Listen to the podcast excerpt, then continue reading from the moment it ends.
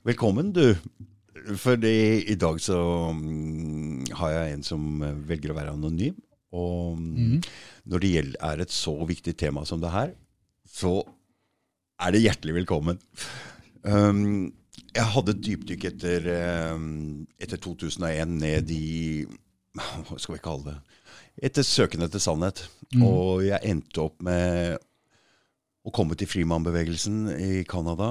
Robert Arthur Menard. Og jeg, dette her er veldig viktig. Men altså, man kan jo ikke holde på med dette her i 20 år, så det har ligget brakk helt til nå hvor det dukka litt opp til overflaten igjen angående denne koronasaken, som, som er en helt ulogisk greie. Som Men så var jeg sammen med Barbro på et um, Ja, det var noen som skulle holde noe foredrag for mm. noen jurister og noe greier. Og da kom du. Og mm. du holdt et så bra foredrag, så jeg måtte bare løpe ned og si at du må bare komme og fortelle om det her. Og, mm, og her er du. Og vi skal gjøre tre episoder. Og den første episoden ligner litt på det foredraget du holdt der nede. Mm. Og mm, vær så god. Ja, tusen takk, Dag Thomas. Det er veldig hyggelig å være her. Og ja. Grunnen til at jeg velger å være anonym, er jo at uh, dette må stå sin egen prøve. Denne jakten etter sannhet. Der må alle selv finne sin sannhet. Mm. Uh, og da er det irrelevant og en litt sånn uh, sidespor å begynne å snakke om hvem er det som sa hva. Mm. Fordi alle må finne sin egen sannhet. Så det, så det, er bare en avsporing. så Derfor velger jeg det, fordi da kan kanskje folk se på materialet og gjøre sin egen, opp egen mening om hva det betyr i deres eget liv, mm. uh, uten at man trenger å drive med noen sånn 'hvem mener hva'? For det mm. syns jeg er underordnet. Og okay? dette, dette, her det ser jeg på som det absolutt viktigste Jeg sa det til der nede, der nede òg. Dette er the great awakening. Dette er det folk må forstå og prøve å sette seg inn i. Det kan være vanskelig, men nå er det folk som jobber med dette her i mange land, på mange plan, og mm. får se hva som fungerer og ikke fungerer. Jeg har kontakt med flere her nå, mm. og jeg syns det er så interessant og så morsomt, for vi er født fri. Mm. Men vi vet ikke at vi har blitt trill lurt, trill rundt. så dette er så morsomt og så spennende. Ja. At, um, og vær så god igjen, du er ordet ditt, og la oss uh, starte. Ja. Og da velger jeg å starte med noen tankeregler som jeg har for meg selv i alt jeg gjør på, på søken etter sannhet for, i mitt eget liv. Mm. Uh, og da tar jeg de første tingene på engelsk, for det, det, er, et, det er, et, verdensspråk som uh, uavhengig av hvilket språk jeg jobber på eller hva jeg leter etter, så kan jeg orientere meg. Mm. Så det første jeg tenker på, er at uh, I am on a journey towards more freedom and independence. Um, that's the journey I'm on. And I am the creator of my life experience. I am the creator. And that means also that I'm the owner of my real being, who I am. And I also then own my own real being properties. Mm. So everything from our uh, from our body to our body functions and and uh, yeah, uh, soul and everything. And that also means that I serve no other master than myself.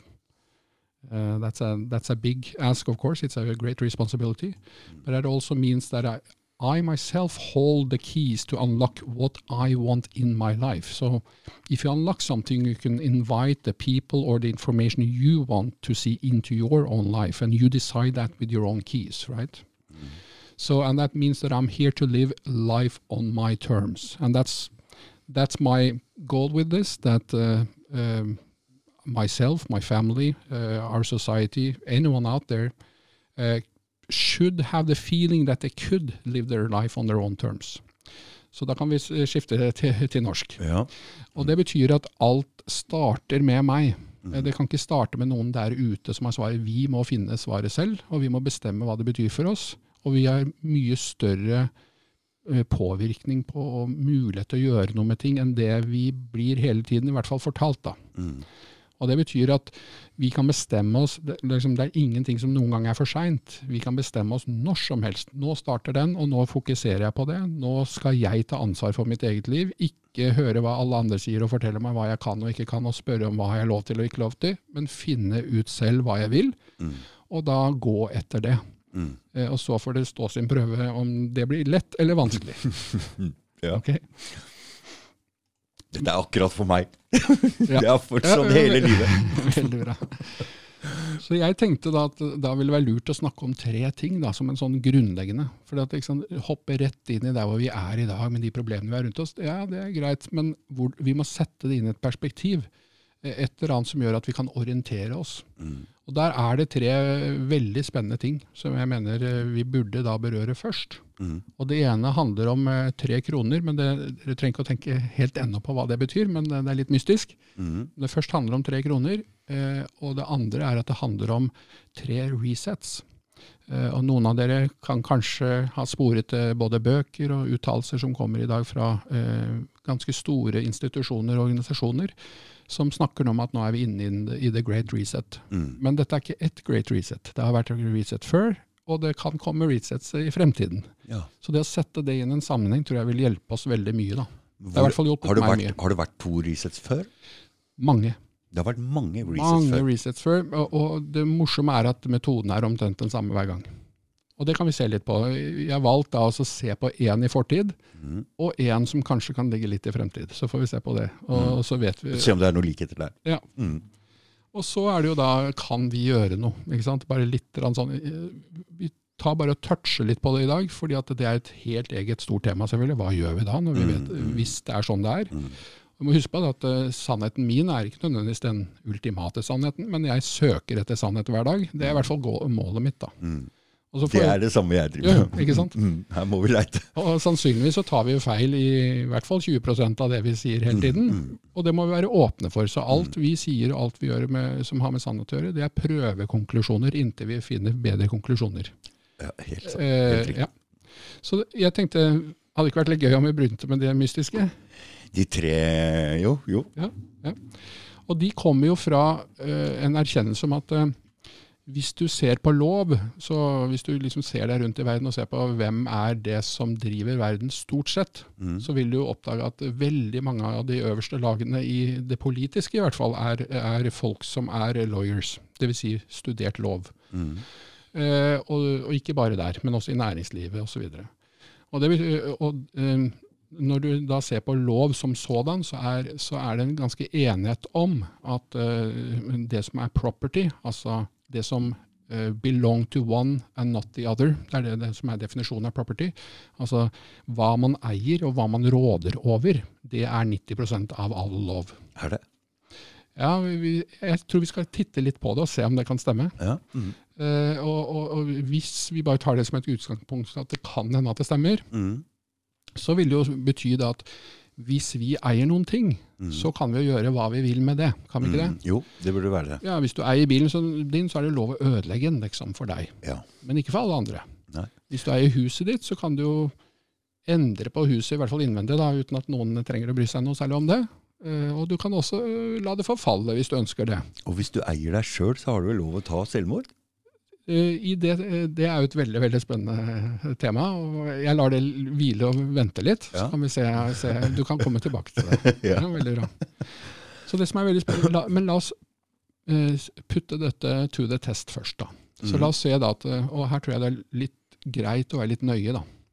Hvis vi valgte da en ting som f.eks. bilen din. da. Mm. Eier du bilen din? Eh, altså, nå skal jeg bare fortelle en liten historie, for jeg har jo kjørt veldig mye uten førerkort. Og den gangen i hvert fall så tok de ikke bilen, men de satte kjøreforbud på bilen i ett år. Mm. Så jeg måtte jo ha flere biler. Men det der er, så jeg har jo kjørt veldig mye uten førerkort, og der har det vært en veldig problem. For når du først kommer inn i den evja der, og de veit hvem det er, så blir du stoppa hele tida. Du får jo aldri førerkort. Mhm. Men den gangen tok de altså ikke bilen. Mhm. Men jeg vet jo nå at de kan beslagla en dyr bil som kjørte for fort, som kommer fra Tyskland og hadde betalt flere millioner, og de tok bilen hans. Mm. Så Og, og, og hvordan kan man da ta bilen hvis det var den som kjørte sin bil? det er veldig Er ikke det litt spennende? Veldig merkelig. Og hvordan kan man f.eks. da uh, plutselig oppdage at uh, du, du bor på et, eller eier et stykke land, og så plutselig Nei, det gjør du ikke lenger. Det er ekspropriert. Du, har, du- det er sant. Jeg har en venn. Han eier en stor tomt ute på Klemetsrud. Mm. Og nå vil Strømselskapet de vil bygge noen greier der ute som går rett over tomta hans. De vil bare ta tomta hans og gi den en slikk og ingenting for den der. Og det kan Og det, de gjøre. og det er dyrt, for det ligger inne i Oslo-grensa. ikke sant? Ja.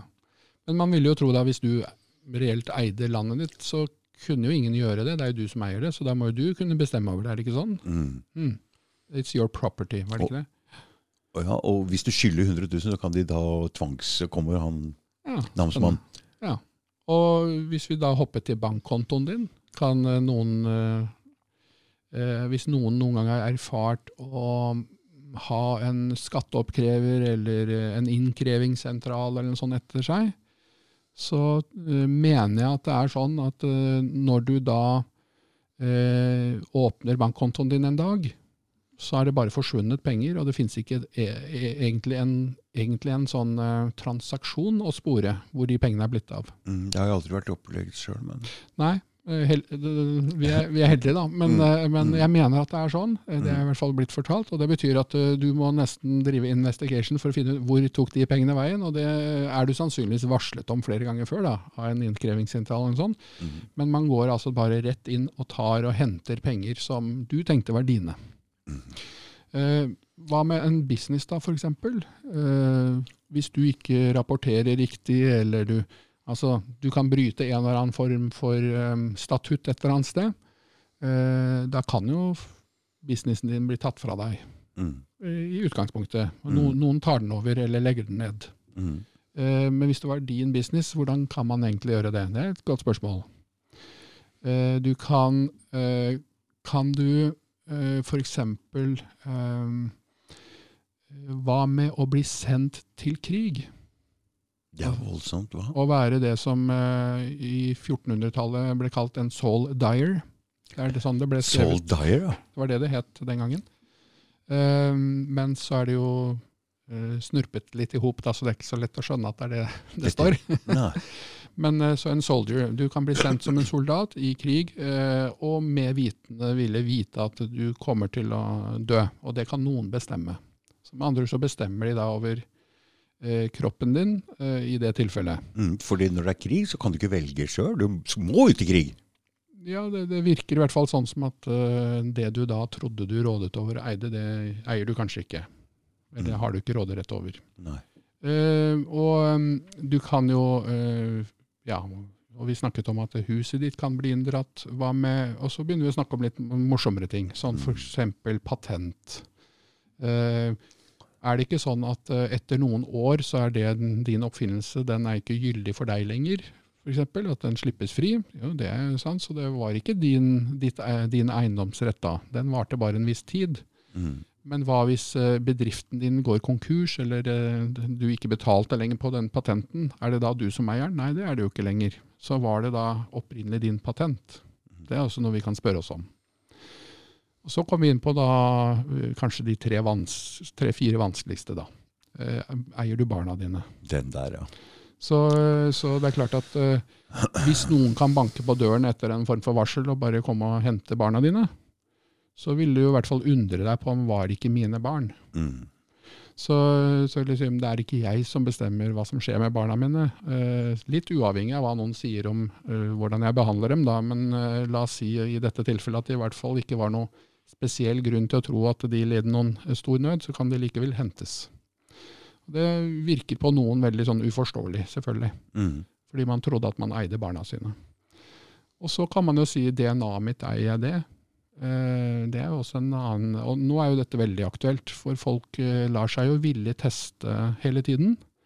eh, og gi fra seg DNA-et sitt. Er det det de gjør? Det er i hvert fall helt sikkert at fysisk så gjør du det. Ja. Du, du, Ja da. du er villig til å gi fra deg prøven din på ditt DNA. Ja. Og det er klart Hvis det var for la oss si fem år siden, og du var dratt inn på en politistasjon og du ble spurt om vil du avlegge en DNA-prøve, så hadde i hvert fall noen spurt advokaten sin først Mm. om er det lurt. Mm. Hva skjer da, eller hva kan det brukes til? Mm. Og jeg vil anta at ganske mange ville sagt nei også. Nei takk. Og så ville politiet sagt nei vel, da gjør vi ikke det. Men eh, Så spørsmålet er eh, når du har gitt fra deg DNA-et ditt i en prøve, er det da ditt? Og så sier de ja, men det kan, trenger kanskje ikke ha så stor betydning at en prøve av DNA er Ja, men DNA-et er jo det som utgjør det. hele kroppen din og dine funksjoner. Ja. Og hvis noen andre kunne tatt eierskap til det, det ville jo vært spesielt. Vil, Veldig spesielt. og det betyr at de kan eie da eh, den koden som gjør deg til deg. Mm. Så det er et interessant tema i dag. Mm. Og så snakker vi nå om eh, kan noen tvangsvaksinere eller medisinere noen? Eh, og hvis det er sånn at det stemmer det noen law processors nå sier, at, eh, at eh, ja, det kan man med full rette gjøre, tvangsvaksinere folk. Legge dem i bakken og sette nåla i armen og være helt sikker på at det er gjort, før du får lov til å slippes fri. Mm. Og det er det jo i flere samfunn nå snakk om, og at det er et virkemiddel som kan brukes. Og hvis det kan brukes under lov, da vil jo folk eh, kanskje tvile litt på om eier jeg egentlig kroppen min. Ikke sant? Mm. Eh, er det ikke jeg som bestemmer hva som skal skje med den? Og så går vi til den siste her. Eh, identiteten din. Eier du egentlig den? Eier du eh, Nummeret i passet ditt, er det eid av deg? Er det eid av staten? Er det eid av våre myndigheter? Er det eid av fremmede myndigheter? Hvor eies det hen? Mm.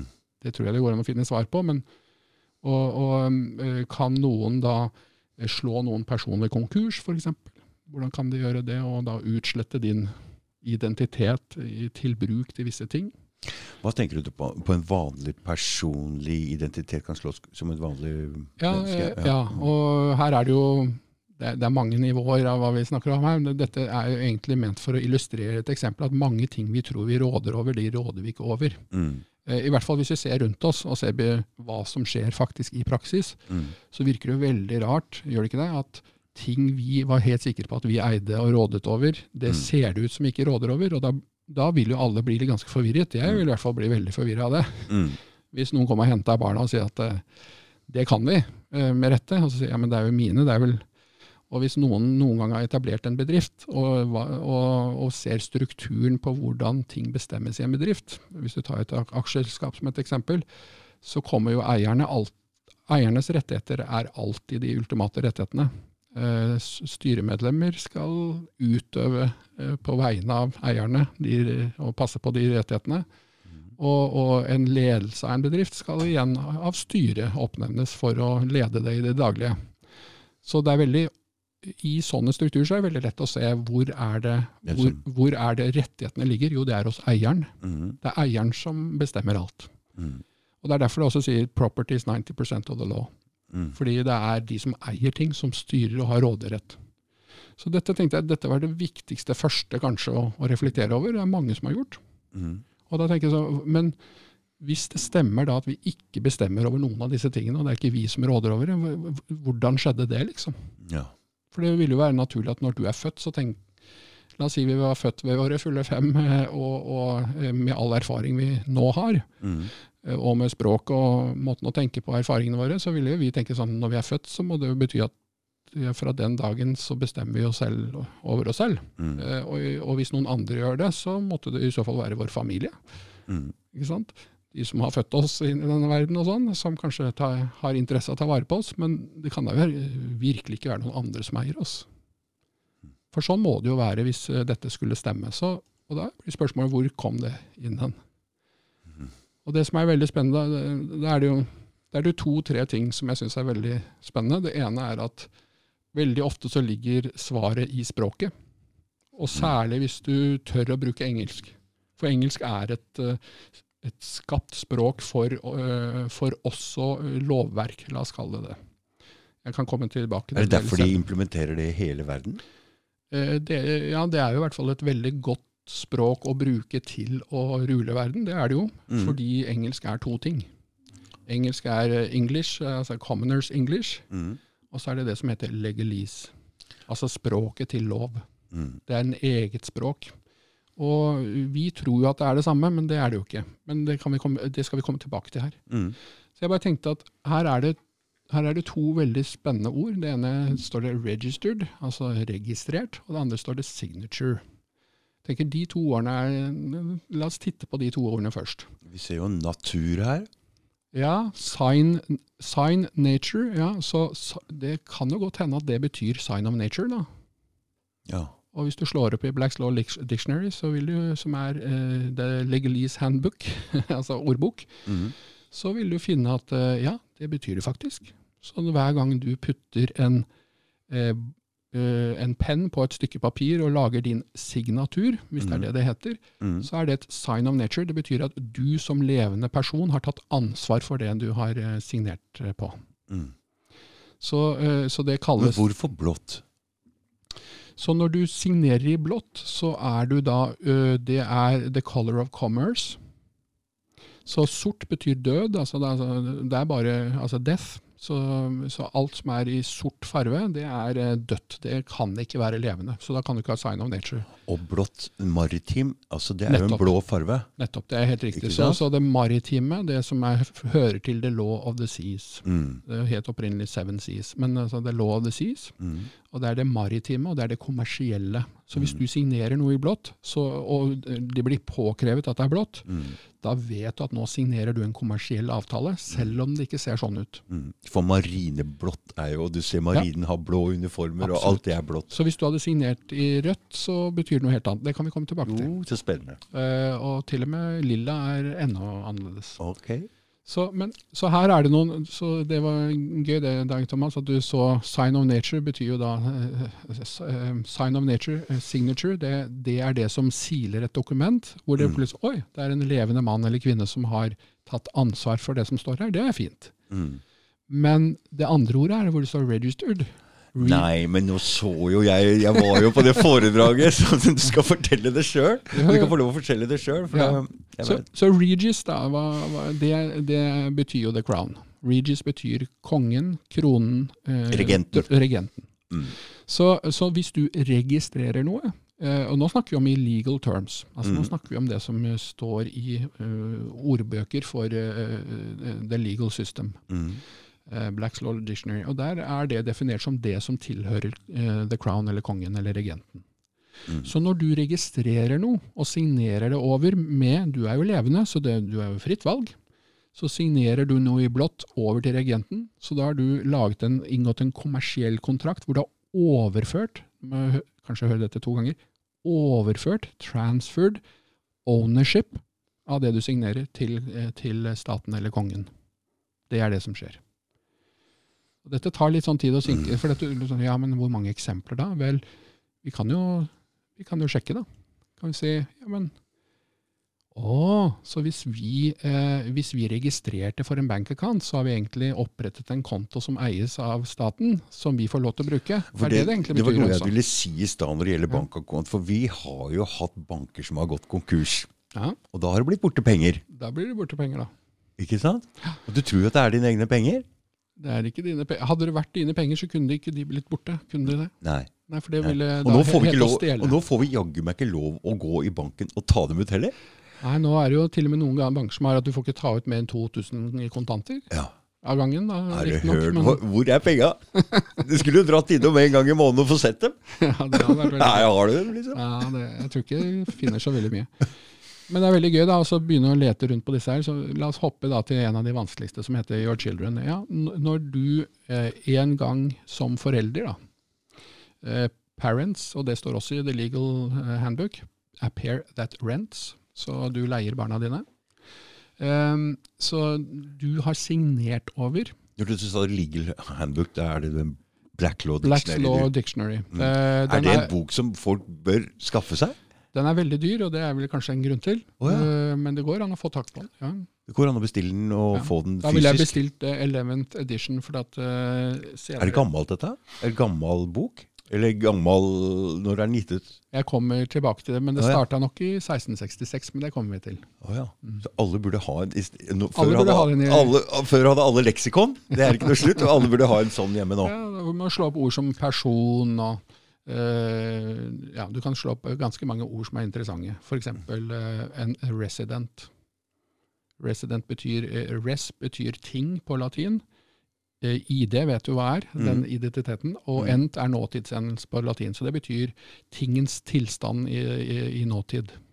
Okay. Så hvis du er en resident, så er du ikke et menneske per definisjon. etter, eh, Så hvis det ordet brukes, eller det er masse sånne ord. Occupant, resident, householder, Mm. driver.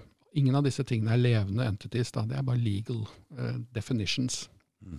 Så uh, for at det skal være en levende person uh, som er assosiert med de, så mm. må jo noen frivillig komme fram og signere noe og si 'det er meg'. Mm. Så, så, det er litt sånn rart, det høres litt rart ut, men jeg skal komme litt tilbake til det. Så hvis du ser da på, på her, så ser du da Children f.eks. Så sier du hvorfor kan noen komme og hente barna? Jo, fordi, fordi, foreldrene registrerte jo barnet for å få navn og et personnummer. Og ergo skrev det da, etter hva vi har snakket om, over til staten. Du, så da er det statens barn, faktisk. Men du, jeg vet om en, jeg har hørt om en, jeg kjenner henne ikke, men uh, det er en dame som ikke har registrert barna sine. Ja. Med ene barnet sitt. Mm. Og det er full jakt her. Ja, ja absolutt. Det, det er jo ikke noe fint for staten at det kommer ut. Nei. For husk på at det er staten Eier hun barnet sitt selv når hun ikke har registrert den? Men hvorfor kan de prøve å ta det barnet nå, da? Ja, Da spørs det hvem da Eier hun seg selv? Nei, riktig. Eier hun seg selv? For, seg for, hvis hun ikke eier seg selv, så kan hun heller ikke claime å eie noe annet. Nei, nei. For da er det som eh, Ja. Mm, men, det, da hopper vi litt uh, Men vi har mange gode eksempler her. hvor ja. Eh, blant annet i Bergen så var det et, et, par som ikke kanskje De kunne unnskylde seg med at de kjenner ikke lover og regler i Norge så godt, for de kom fra andre land. Mm. Og de fødte et barn på, Bergen, på Haukeland, tror jeg det var. Mm. Og, så, og, så, nektet de å registrere barnet. Mm. og da sendte sykehuset en regning på 250 000 kroner. For de sier at ja, men hvis, staten kan jo ikke betale for Nei. tjenestene hvis ikke Nei. staten eier. Nei. Da er det du som må betale. Og da tenkte disse to seg litt godt om, og så til å si 250 000 kroner nå kontra å betale skatt livet ut, du, det var billig. Så det betalte oh, Betalte de det? Det vet jeg ikke. Det, det, jeg kjenner ikke slutten på historien, for det, det vil ikke media fortelle. Men uh, det var jo litt spennende resonnement, kanskje. Ja, veldig. veldig. Så, så, så, men uh, du kan tenke deg hvor fortvilet mange foreldre er når barna bare blir hentet, og de vet ikke helt Det er ikke alle som får godt forklart hvorfor, og er i hvert fall ganske sikre på at det ikke skyldes noe galt de har gjort. Mm. Men så skjer det likevel. Og det er klart, nå har vi jo forklaringen. Det var ikke deres barn, og derfor kan det hentes. Og så skal vi gjøre et uh, forsøk til. Hvis du da blir inndratt bilen, så er jo det helt det kan jo, Staten kan endre trafikkreglene hele tiden, den. Mm. Og endre det til at ingen faktisk klarer å innfri uh, kravet til å kjøre bil. Og da kan de bare ta inn alle bilene. For det er jo deres biler. Hver gang det brytes, f.eks. Mm. Eh, nå lagde jeg bare en litt sånn fiktiv historie av hva som kunne potensielt skje, som er veldig lite sannsynlig. Men poenget er da at eh, har du signert over eierskapet til noe, så, så er du på nåde av noen andre. Som ja. kan, kan, endre spillereglene, selvfølgelig. For eh, du får jo alltid også noe i retur. Det er litt viktig å påpeke. Så når ja. du registrerer bilen din, så får du også muligheten til å tegne forsikring som beskytter ditt ansvar. Mm. Hvis du skulle kjøre på noen eller krasje med noen eller noe sånt. Mm. Og det er jo en slags sånn bytteforhold som er for mange veldig greit. At ja. uh, du slipper å ha 100% ansvar for hva, om du gjør noen ufør eller men Dette nevnte jeg for deg litt. Grann. Kan man registrere huset sitt over på seg selv, men først må du claime deg selv og sånne ting. Men kan man gjøre det med bilen? Fordi nå har du, du signa over eierskapet til dem. Kan man forandre det over igjen til seg selv? Det er mange ting du kan uh, ta eierskap til selv. Eh, men det er noen ting som er eh, enten umulig eller komplisert. Mm. Uh, og en av de er land, f.eks. Men jeg tror vi skal forklare det. For det, ja. det er akkurat mm. det neste som kommer nå. Er, ja, ja, for, for, da kan vi komme tilbake til akkurat det. Så det er en vakker oppfinnelse som er gjort en gang langt tilbake i historien, som heter arvesynden. Det vil si at alle som blir født, de er født i, i gjeld. Det er det sinn betyr. Så bare let litt tilbake i ordbøkene, så finner du at eh, å, det er ikke noe sånn der at du, noen har dødd på korset for oss, og derfor så skal vi Det er gjeld. Det er gjeld. Mm. Så det man har introdusert, er da altså at du skal være takknemlig for at du i det hele tatt får lov til å gå på denne landjorda her og seile på sjøen osv., for at noen har vært her før deg og gjort alle investeringene. Og selv om du kanskje trodde at du kunne bare ta for deg, så det kan du ikke. Du må betale for alt. Mm. Uh, og det er jo det helt motsatte til å oppleve å være en, eh, et nyfødt barn, med, som vi sa i stad, hvis vi visste alt vi vet i dag, uh, som da tenker du, her var det fint, jeg, mm. dette er jeg sikkert like mye andel av som alle andre. Mm. Eh, Det er jo det helt motsatte. ikke sant? At du opplever at du er fri, og du kan ta for deg, og du kan, så lenge du ikke ødelegger for noen. Mm. Men her er det da et opplagt noen som sier nei, eh, du er født inn i gjeld, og du skal betale livet ut. Du må, du må gjøre opp for alle syndene fra alle som har levd før deg. Så synd er gjeld. Ja, Sånn forstår jeg det i hvert fall. Fordi ehm, jeg så noe om eh, noen som tolka de ti bud, og egentlig ordet skyld altså, er også gjeld. Ja, er- Forlat din skyld. For, altså, altså, de mente at alt dette handla om gjeld. ja, ja. ja. Ja, det er litt spennende, fordi eh, Bibelen er en veldig god lovbok. Og de, eh, de biblene som ble brent eh, før og under den andre verdenskrig, eh, de er det noen få igjen av. Altså de opprinnelige, disse fra 1500-tallet og sånn. Nå snakker vi om før King James Version. Så det er noen som Jeg har sett en sånn i en eh, bokhandel i London. Mm. Det skal være to eksemplarer som er mulig å få tak i, i hvert fall. Mm. Og der er det opprinnelige oppslaget eh, i den boken. Det er, det er veldig revealing. For da, da liksom, du får Bibelen på den cirka den historiemåten vi vet. Men oppslaget foran, det, det hadde da bilde av The Tree of Life. Og da var den ene siden av treet, det var eh, det eh, eh, lovsystemet, og hvordan alle ting henger sammen og blir styrt. Og den andre siden var naturlovene. Og så kunne du selvfølgelig velge hvilken side av treet ville du leve på. Mm.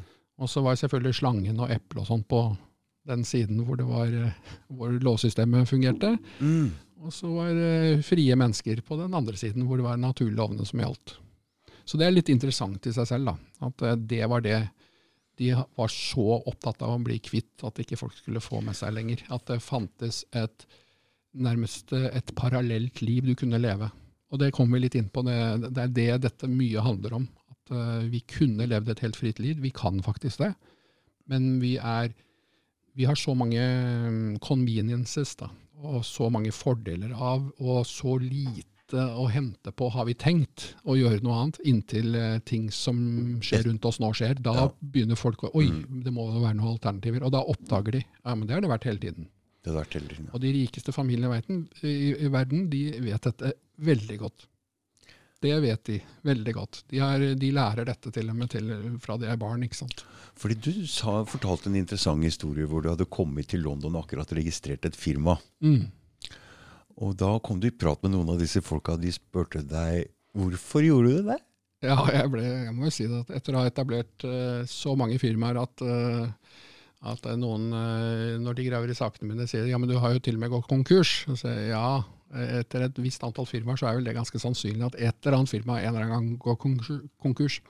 Så, men det de, så jeg tenkte, jeg er jo alltid det første jeg tenker er det er greit å få ned hvem som eier noe, det er greit å registrere ting, så har vi liksom ting i orden. Mm. Eh, Men disse familiene syntes det var veldig rar tankegang. Så de, og nå snakker vi om eh, familier som har 900 års eh, stamtavle, liksom. Og privatbanker i City of London og styrer mye av økonomien og sånn.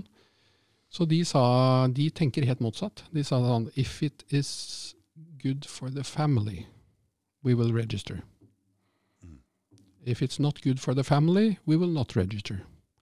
Because what does register mean? It means offering up your business to the crown for them to change all the rules at any given time in the future. Uh, mens, eh, mens Så det de demonstrerte da, var Jeg må nesten si den andre delen av hva de sa dag én, for at det skal make sense, og det var at de sa It might seem that there are different ru uh, rules for the rich. Mm. Eh, altså sånn, Don't you think? Altså, så jo, jo, det ser jo litt sånn ut. Ser ut som de kommer unna med hva som helst. og gjør hva som Så sier jeg, Because there is. Mm. Og så sier jeg, hva mener du med det? Nei, the only secret is it's the same rules for everybody, but only we know about them. Mm. Så det de demonstrerte, da, er at det fins en eh, Det de demonstrerte, var at eh, 85% av all velstand i verden de er på private hender. Og så tror folk det mener å ja, det er privatperson. Det er ikke det det betyr. Pri, I det private domenet, dvs. Si der hvor det ikke skattes. Der hvor det ikke er registered to the crown. Der hvor det ikke tilbys å rapportere til myndigheter hva du gjør og sånn. Og da er det veldig lett for å, liksom, det første man tenker sånn Å, skattesnyteri, å nei, de lurer seg unna. Eh, de tenker helt motsatt. De sier det, det er jo vi som har betalt for alle disse myndighetene, da. Det er vi som har eh, passet på at de kan drive sånn som de driver, og offered up uh, all our wealth og uh, alt sånt noe. Så, så, hvorfor skal vi rapportere til dem? Jo, de jobber jo for oss. Oh. sånn, at, sånn at, ja, ja. ja. Så det mm. betyr at så hvis vi velger å gjøre det, så er det jo fordi at det har noen fordeler for oss mm. å registrere oss og drive i det legal system, som det heter. Med da den currency som til enhver tid den myndigheter finner på at de skal bruke. Mens, mens man kan operere fullstendig i det private. Og det, dette er jo veldig lett å bevise. Det er jo bare å gå til olje eh, oljefondsjefen eh, Tangen. Han selv har jo eh, en privat trøst på Jersey med milliarder av kroner som eh, ikke rapporteres til noen myndigheter. Som ikke rapporteres til noen myndigheter? Ja, og dette er jo helt åpent. og Skattemyndighetene har jo uttalt seg om at de mener at det ville nok kanskje ikke lønne seg å gå etter det. Men det er jo ikke derfor de sier det, selvfølgelig. Det er fordi de vet at det er helt lovlig. Og alle som har nok penger til å bry seg om, det, om neste generasjon, sånn, de, de, bumper i hvert fall borti disse temaene og mm. får anbefalinger om hvordan du bør rigge deg. da. Så kan man jo tenke ja, men det er jo å lure unna skatt. Nei, alle pengene er jo skattet ferdig når de legges der. Det er bare snakk om hva skjer med dem videre. Så jeg tror kanskje dette er litt sånn avsporing, går liksom nedover ja, det sporet, ja, ja. men det bare demonstrerer at det er en parallell verden hvor mesteparten av rikdommen ligger, og det er ikke noe ulovligheter. Det er helt lovligheter. Mm. Et, for hva er lov? Det er jo noe som er skrevet ned, som noen er enige om. Det er jo noe rart i de i Norge her også, for det, vi har jo et slott på hytta der som mm. Løvenskiold eier. Ja. Og han eier jo all skauen der. Jeg har alltid hørt om han Løvenskiold og Løvenskiold. Mm. Men jeg ble veldig overraska når jeg kom hit til Nordmarka og fikk vite at han eier skauen her òg. Jeg tenkte oh my god, hva er, og hva er dette for en fyr, tenkte jeg. Ja, Han er en landeier, eh, aristokrat, ja, familie fra gammelt av. Ja, dansk, vel? Ja, dans, dansk. Det, men det, jeg skjønt, fikk ikke dette til å stemme, fordi Danmark tapte jo oss under Napoleonkrigen, mm. og svenskene tok jo over oss. Mm. Så hvordan kunne disse danske adelsfamiliene fortsatt eie all landjorda her i Norge? Det syns jeg er veldig rart. Det er ikke på tide vi får det tilbake igjen, liksom. Men ja, eh, det Spennende. Så da kan det hende da, at det finnes noen nivåer eh, både over det vi, eh, det vi opererer på. Det er, det er, litt sånne rare ord som brukes om sånne som oss da, mm. i, i, City of London f.eks. De kaller dem the little people. Oh, ja. Mm. Så, så, the little people de gjør little people things. And, and adhere to little people rules. Ikke sant? Men, ja. men, og det er fælt, da. Men, eh, så jeg er, ikke, jeg er, ikke, enig med dem i det, men jeg er veldig takknemlig for alt jeg har lært av dem. For de er veldig veldig åpne. De, du spør dem om alt, eh, så får du svar. Det er ikke noe hemmelig? Det er ikke noe hemmelig her? Det er ikke noen hemmeligheter, men det er klart de har ikke noe interesse av å få søkelyset retta mot seg. Fordi altså, Skal de drive og fense off alle som mener noe om dem? Det, det, det gidder de jo ikke. Og de vet at du vinner det i en rettssak likevel, men det, det har jo ikke noe verdi. Mm. Så de sier at uh, those that know, don't talk. Mm. And men those nå, that talk, don't know. men nå sier vi jo disse opplysningene ut, ikke sant? Og, mm. Men folk må jo være ganske genuint interessert for å ta tak i det her, for det er et stort tema. ikke sant? Ja, og så er det egentlig litt sånn sidespor, for at det er drevet av altså enten misunnelse eller at rettferdighetssans eller noen sånne ting. Men det handler egentlig ikke så mye om det, og jeg tror akkurat dette med 'indebted to the crown' ville sette det ja, litt på plass. da. Kom videre. Så 'indebted to the crown' og arvesynden ble oppfunnet, det, det var gøy. Men hvor kommer da hele dette her med at vi eh, signerer bort våre ja, eiendeler og formue og penger og barn, og, og, og til og med vår egen kropp og råderett osv.? Hvor kommer det fra? Det kommer fra eh, noe som heter eh, tri regnum. altså Tri er jo tre, og regnum er jo uh, styre. Altså styre gjennom en treenighet. Så det er Holy Trinity. Er det den treenigheten? Ja. For jeg, jeg, jeg, Altså, jeg, har jo min egen oppfatning av hva den treenigheten er. Så hadde jeg en KrF-politiker her som skulle prøve å fortelle hva er den treenigheten. Og det klarte han bare ikke, for å si det sånn. Nei, det er veldig vanskelig når du må, når du må uh, over til den, kall det, til den altså, trossamfunnsforklaringen. Ja, ja, Men hvis du går tilbake litt sånn som du gjorde, og sier at å, så dette er lover, og dette er gjeld, og det er økonomi. Hvis du mm. Bruker de Mm, da utgangspunktet, da ja, finner du veldig fort svaret. Mm. For jeg kunne ikke skjønne at hele vår kristne tro og alt det vi tror, eller hele greia vår er bygd på en treenighet som ingen klarer å forklare. Da tenkte jeg hva er dette for noe rart? Nei, så, øh, øh, og Denne praten er for kort til å gå inn i detaljene på det. Men hvis vi tar bare litt overordnet, hvor kommer da dette tri regnum fra? Mm. Og så kan du si Hva i all verden er paven og paveriket med det å gjøre? Og da, det er litt viktig å si at i dag så er jo paven mest en figur, ikke sant? mm. Men, men uh, vi kjenner jo ordet kanos, kanossagang, så vi veit jo hvem som var sjefen en gang. Ja, ja. Og, Ikke sant? Og, ja, og, og det er klart at uh, så, så paven er egentlig et bilde på et helt system som er i drift. Og det er det som er viktig her. Å tenke på paven som et symbol på et helt system som er i virksomhet. Og hvis vi da går helt tilbake til han eh, Julius Cæsar f.eks., så var jo han emperor and pontifex, dvs. Si, eh, eh, pave. Ja. Han var begge deler. Han var begge. Og hvis du da bruker, eh, hvis vi går tilbake til språk igjen, så kan vi finne mange clues. For at eh, det han gjorde som emperor, det var jo å sende ut sine legions til ulike steder for å holde orden. Altså 5000-6000 mann, det er en legion. Ja. Eh, Det var jo først og fremst eh, nesten adelsmenn, altså det var ordentlige folk som dro ut og gjorde det. Det var ikke noen fattige folk som ble skremt ut, for det, nei. Fordi at, husk De fikk også masse rettigheter, de kunne eh, claime masse det de rådet over, kunne de samle inn i skatter og andre ting og bare forsyne seg med. Så det var veldig opportunt. Men over tid, over hundrevis av år og sånn, så blir jo det litt sånn Det er ikke alle som syns det er så gøy å se- fryse oppi den der eh, tåkeøya oppi, eh, utenfor kysten av Norge og Nederland f.eks., eller uh, være i, i de sibirske stepper eller sånn. Det er ikke noe gøy. Uh, så det de fant ut, var at det var mye lurere den, den, den, den pavesiden av det, var mye, mye smartere enn Pontifex, for der kunne du da ha religions. Hva sa han nå? Religion. Og det betyr, re oh, ja. betyr gjenkalle. Religion. Ja, så du kaller hjem legionene. Ja. Det er det religion-ordet kommer fra. Re-religion. Ja, religion. Så ordet religion kommer fra at man kunne kalle hjem legionene sine. Fordi man kunne styre gjennom the mind, government. Du kunne ha to govern the ment, to govern the mind. Mental. Men, Og parliament er jo å snakke til eh, the mind. ja. Så, så, så alle disse tingene, det styresettet kommer fra at vi slipper å bruke våpen og makt. Vi kan bruke måten å tenke på, måten å tro på, måten å samle menneskers energi om noe. Eh, og styre det, så styrer vi på en helt annen måte. Og For at det skal fungere, selvfølgelig, så må du samle inn våpenet til folk alle steder. Eh, det siste landet som gjorde det, er jo Canada. Nå kan man jo se hva det fører til. Men, så det er bare det Amerika igjen omtrent det nesten er våpen. Eh, Sveits er vel et annet, men eh, det er litt annen type For de tok Australia for ca. 10-12-15 Ja, ja. år siden. Så samla de inn alle våpen i Australia. Ja, ja. Og Canada nå for et par-tre år siden. Ja. Så, så, men, eh, så hvis vi bare vet at paven da er et symbol på et helt styresett og en hel måte å tenke på, et verdensbilde, da, Mm. så, så kan vi se hvor viktig det har vært opp gjennom historien. Så da, da kan vi se hvor det systemet vi har i dag kommer fra. Skal vi se.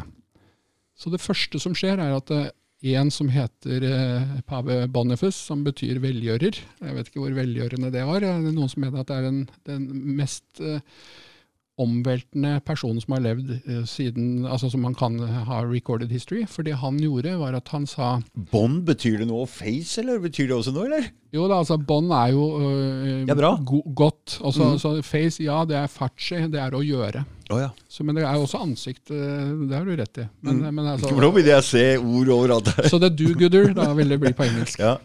Og det morsomme med han var at han i 1302, det er veldig lenge siden, så sa han at øh, du, øh, vi er jo alle enige om at, øh, at Christ died on the cross for us and Mm. went to heaven to be with his father. Så so, so God is in heaven.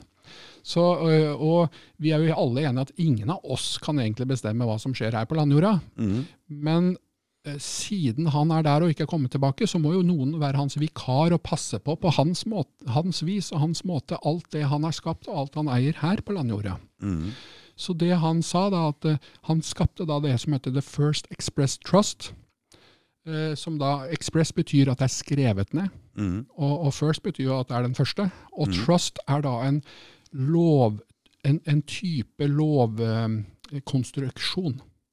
Hvor han For jeg har hørt veldig mye om trust-lova. Kan vi bare ta Egentlig er nesten alt som er? handler om eiendomsrett, Ja, eiendom. er, er trusts. Ja. Så, altså property, hva du eier. Men det er veldig vanskelig å se det ute i det daglige. Mm. eh, Sånn at det er sånn det er. Men eh, det det betyr, at det er egentlig en sånn holy trinity. Altså du har én som eier, mm. og så er det en som administrerer, og så er det en som har nytte av. Mm. Det er tre forskjellige. Så alle ting plutselig fikk tre eiere. da. Samme som et aksjeselskap, som du sa i stad. Ja, så det, så det han gjorde, han sa at ja, vi eier jo ikke all jorda. Nei. Nei, nei, nei. nei. Eh, det er det Gud som gjør. Mm. Men Han siden er han, han er ikke her, så før, inntil han kommer tilbake, så må jo noen være caretaker. Mm. Og take care of in trust. Altså, noen, han må stole på at vi gir det tilbake når han kommer. Ja. ikke sant? Mm. Og Derfor så må vi ivareta det. For trust betyr jo selvfølgelig også Nettopp, selvfølgelig. ja. Og så, Mm. og så sier han sånn, og, og slik at det kan komme um, noen andre til gode. Ikke sant? Det er den tredje parten av den. Det, Han Mhm. sa ikke så mye om det. Han bare sa at eh, nå er det vi som, altså nå er det jeg, sa han, Mm. som er eh, in, practice da, king of the world. Mm. Jeg eier all landjord på vegne av Gud. Og det, det som er litt spennende, da, altså da, da, da slår han fast hvem som er the ruler of the world. Det er det han gjør. Mm. Og legg merke til at Da kunne jo alle reise seg og si nei, men det er vi jo ikke enig i. Så kan du jo lese litt i verdenshistorien hva som foregikk på 1300-tallet. og litt sånt. Det, det var jo forholdsvis mange mennesker som døde, og nasjoner som ble borte. sånn, Så det kan jo godt hende at det var ganske mye maktutgytelse for å støtte opp under. De, Mm, de sier jo at uh, it's by the sword. altså et, et sword er jo et cross. Hvis du setter et sword i bakken, så er det et cross. Mm. Så det er rule by sword, altså. Det, Mm. det har jo kirken alltid gjort. Mm. Så, men da slo han det fast, og så lagde han seg denne cone-shaped eh, fine hatten, da, med litt sånn der eh, løv på og sånn.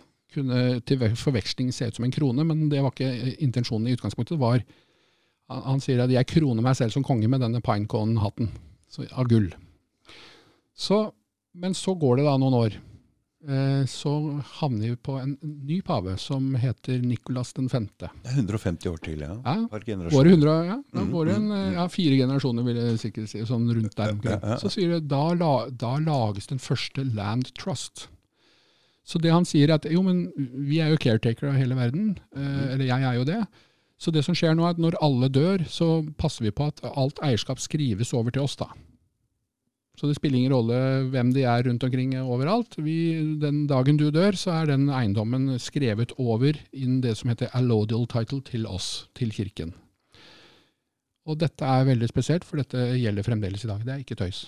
Det skjønner jeg ikke helt. eh. Nei, nei han brukte legitimiteten som kom herifra, Mm. og si at vi er, vi, det er jo vi som bestemmer over all, hele verden, fordi at vi gjør jo det på vegne av Gud. Ja. Og så sier han, by the way, det betyr at vi eier all eiendom. Vi eier alt land. Mm. Så, øh, så trenger vi ikke å dukke så veldig mye ned. Hva betyr det egentlig? Det betyr bare at øh, ingen har reist seg og sagt at det var feil, eller i hvert fall som overlevde det. Ja. Så ergo så er det, så er det da Fordi, fordi det er sånn lov fungerer. Når du gjør et claim, og det er ikke noen som sier noe imot, så er det stående. Ja, så kan du sjekke en ting, for det tror jeg er lurt at alle lytterne gjør av seg mm. selv. De kan finne ut hva er den høyeste form for decree, altså den uttalelse noen kan komme med i verden i dag. Ja. Det er pavens uttalelse. Det heter a papal decree, eller papal bull. Det er ingenting i lov som går over det. Ingen autoritet som står over det. Så, og det kan være greit å bare vite, for det betyr bare at hvis eh, paven sier noe, så er det nok muligens noe viktigere enn det. Og husk på, paven representerer et helt system. Han står jo bare og leser, selvfølgelig. Men det er systemet han representerer, som da eier eh, alt land. Fremdeles i dag. Fra 1455. Men så skjer det noe spennende. Så, sier du, så går det bare, bare 30, altså noen og 20 år, faktisk. Mm. Så blir Commonwealth skapt. Det er det som er blitt kalt Commonwealth. Og det det betyr, at, han, at uh, da tar man eierskap til all, alt levende på land. Du hørte hva jeg sa nå? Så, å, så mennesker, dyr ja, ja, alt som er eh, living, det, det tar vi nå eierskap til. Så de tar da eierskap til Og så pakker de det litt fint inn og sånn, da. De snakker om at gull og sånn er deres og sånn, men, men, det, liksom, det, er, men det det egentlig betyr, er at eh, alt du eier og alt du råder over, som er jo i utgangspunktet når du blir født din egen kropp, da, ikke sant?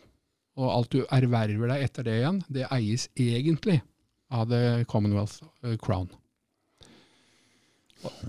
Ja, og dette høres litt sånn, eh, det høres litt sånn rart ut, og det tar litt tid å komme på, eh, komme på det sporet. Men dette er da en papal bull som er issued, som ikke er, må, ikke er eh, Imotsagt. Ja, imotsagt.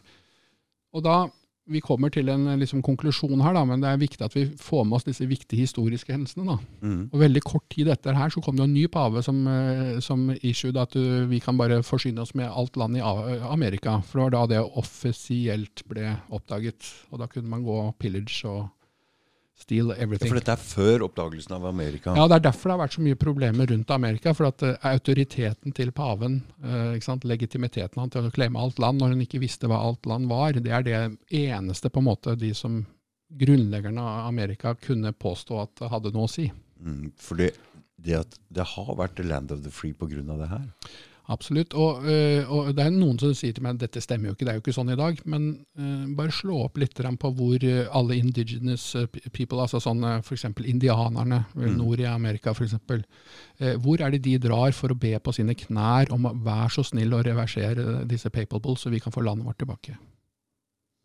Bare tenk på hvor det er. Dette oppdager du veldig fort. altså. De har holdt på i århundrer. altså. Mm. Så, og det er han de spør. Det er ingen andre. de spør den som er pontifex om vær så snill å gjøre om det dere har gjort og claime land, sånn at vi reelt kan eie det, ikke bare bo på det og betale skatt Hva var denne konflikten mellom eh, protestanter og katolikker? Oi, det er en lang greie som Og den det er vel en av de tingene som jeg tror jeg har til gode å virkelig rulle opp. Men, Mm. eh, men det er jo klart at uh, uh, det ligger veldig mye i ordet når du sier protestant. Protestere. Ja, du, du vil ikke underkaste deg. Og, og så kan det jo hende at mer av sporet er mer av skattemessig og skattetrykk og, og liksom forfølgelsesgreier enn det er faktisk av trossaker. Mm. Du må lese de der eh, katekismene til han eh, som han, han eh, Luther. Luther, ja. Stemplet på, på kirkeveggen. Men det har liksom. stadig vært noe bråk med tysk Luther var jo Ja, tysk, ja, og, og han keiser Wilhelm som mm. utfordra paven den gangen og måtte gå kanossagang, var jo også tysk. Og, Absolutt. Og, og, Tyskland har vært ekstremt viktig for Romerriket. Det, det er ikke uten grunn at uh, Hitler kalte det The Third Reich. ikke sant? Mm. Det var jo ikke The Third German Reich. Det var jo Altså, hva, hva var det første riket, da? Det var, eh, det var Romerriket som i sin opprinnelse. Det Mm. andre riket var Bysantium. Mm. Eh, og det tredje riket var da eh, først altså, eh, det som skapte eh, Russland og alt dette, Sovjet og sånn. Og det, jo, det var jo eh, Hitler og Nazi-Tyskland. Det var det Third Reich. Og så sier man at det fjerde riket, det er da New Byzantium, det er Amerika. Men, og, og da, hva er det neste? Ikke sant? Så når noen snakker om the fifth column, de snakker om den femte generasjonen? Eh, så, så snakker de veldig mye om hva er den tidsalderen som kommer nå? Hva, er, hva slags rike er det verden skal være under? Det er litt avsporing, da, men, men det er Mm. bare for å vise litt Ja. sånn eh, Jeg kan ikke alt rundt det, jeg graver i det hver eneste dag. Men Ja. det, det er masse jeg ikke kan. mm. Men dette her har jeg gått litt mer etter i sømmene. Altså, vi, vi, må, vi må se den Det tok da uh, over 100 år til, så kommer det third crown. Og legg merke til, nå er vi da, hvis vi husker legioner og religion, ikke sant? Mm. Hvis du husker det, så er dette er elegant gjort. For da, da sier de at er ecclesiastical sea, da lager de et ord som ingen skjønner hva det betyr. Nei. Og så sier de sea. Har du, Altså, det er øh, så språket her, hvis du sier si, det, det kan være både å se Og sjø, eller? og sjø, ja, absolutt. Så er det egentlig det. De, de, Men eklastiker betyr det noe oh, hevnlig heavenly Jeg vet Ja. ikke hva det ordet la oss, betyr. ja, så la oss kalle det det, da, bare for, å, for det er ikke så viktig egentlig hva det betyr. Men det, de, de gjør noe som gjør at de, plutselig så må folk begynne å undre seg hva betyr dette, og hva er det, handler dette om. Mm, mm. Men den third crown, da, nå ser du at han har tre kroner på seg her til høyre. Ser du? Ja, Eh, nå har det vokst. Nå har det vokst litt. Nå er det ikke bare to. Nei, Det er derfor han hadde den til å begynne med, den høye, så han hadde plass til ikke å bygge på. Så du ser jo at han hadde én. Ja, Med plass til flere. Ja. Så nå vet du hva the crown er. Det er et helt nytt system. Så Ja. crown. Du Ja. hørte hva jeg sa nå? Mm. Fourth Industrial, industrial Revolution, Great Reset, Ja. the fourth crown. Det er det det handler om. Men har han plass til flere oppå der? Ja, det skulle han det, skulle- Nei, det må bli veldig høye, høye cone hats. Ja. Men det som er veldig spennende her, er at hva er det denne gjør? Mens dette tok claim med alt land, så tok denne claim med alt som lever på land. Ja. Og så kommer her dette er elegant. Mm. Så hvis du sporer veldig hva ordet soul er og betyr, og hvor det kommer fra, Mm. eh, så vil du oppdage etter hvert, både på engelsk, men også latin, at det det egentlig handler om, det er your sweat equity. Hva betyr det? Altså din arbeidsinnsats. Your sweat equity? Mm, your sweat. For det, det står der i parentes der, men det er Ja, det så bare det du har skrevet der? Ja, så det det betyr, er at de eier all din arbeidsinnsats. Resultatene av alt ditt arbeid eier eh, The Crown. Men han må jo ha møtt motstand på det her? Ja, det, det ville man jo kunne tro. Hæ? Men eh, det, For noen må jo ha skjønt hva det betydde. Ja, ja, absolutt. Og eh, man skal ikke Nå har ikke jeg gjort alle sånne mappinger av eh, historie i parallell med, Nei, for det, med, med det er interessant å se hvordan ja. land og sånn utvikler seg nå, hvem som blir slått ned, og hva slags motstand jeg egentlig blir møtt med. Ja, og hekseforfølgelser og, Ja. og, og, og this, eh, Inquisition og ikke sant, Renaissance. Det, det er masse sånne historiske epoker som har passet på å at de som kanskje ikke innordner seg så godt, eh, ikke får så veldig mye mulighet til det de burde. Mm. Men hvis du bare reflekterer rundt dette, hva er egentlig da Er Romerriket i gang her nå på den tida? 1537 er Romerriket. Hvordan ser det ut? Uh, altså, uh. Romerriket er aldri forsvunnet, det er min uh, konklusjon. da. Det Ja. finnes mm. ennå. Men Det det, finnes som et eh, Det som Kall det et system. Mm. Altså en, en, en måte å se lov på, en måte å se økonomi på, en måte å drive government på. Mm. Eh, Og det, det er ikke vanskelig å se det. altså Når du ser på alle ord som betyr noe reelt, det er latinske ord, stort sett. Eh, ikke sant? Og, eh, men, men hvis vi bare Det dette betyr, det betyr det at eh, nå eier du ikke bare ikke kroppen din, nå eier du ikke eh, resultatet av arbeidet ditt engang. Ikke sant? Så time and attention, det er det som er en soul.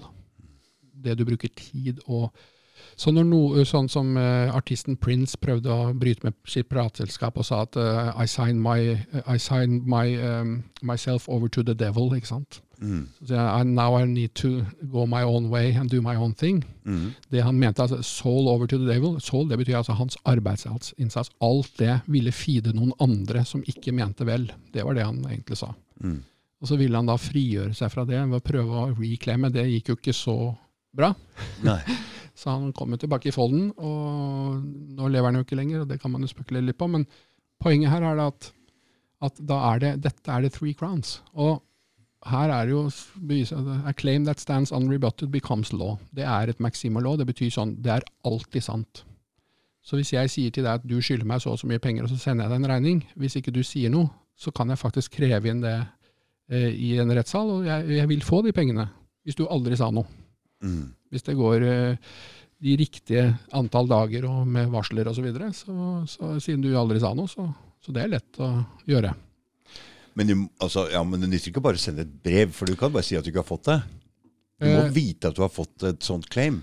Du må sannsynliggjøre at du har fått det. Du må sannsynliggjøre. Ja, Mm. Så det må være sånn at retten tror på at du, du må jo ha mottatt det. Men Mm. dette er også grunnen til at når du er sånn eh, saksøkt, så skal det med hånden. Altså, er du denne personen? Mm. jeg svarer ja, så ja, vær så god. You're, You're served. ja, ja, you're, sir, for det, jeg, jeg så en serie her nå, og det var en som lurte seg inn og lata som og, og så litt redd ut, og så, så fikk han han til å si noe, og så bare 'You've been served!' Løp, løp av gårde.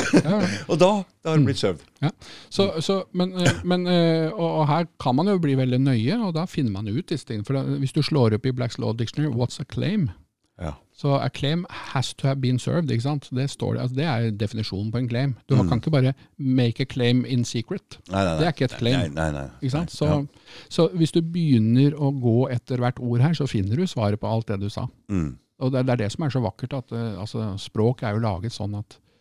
Når, når, du sier sånn eh, når, når retten spør deg eh, eh, eh, Do you understand? Mm. Så betyr det Står du under vår autoritet? Det er det det betyr. Det det Do you betyr. stand under? Mm. Nå har jo jeg vært borti han der Jordan Maxwell en gang, og han Ja, ja. driver og prater litt om disse orda og alle de ja. greiene her for Men lenge det, siden. men det vakre der er bare å slå opp da Bill Gates var tatt inn til forhør, eh, sånn som du kan se på video, da, Ja. eh, etter eh, å ha lurt verden med et datavirus uh, lenge. Mm. Eh, Og tjent penger på det og utpresset alle verdens computere til å måtte oppgradere seg osv. Var det derfor han var i retten?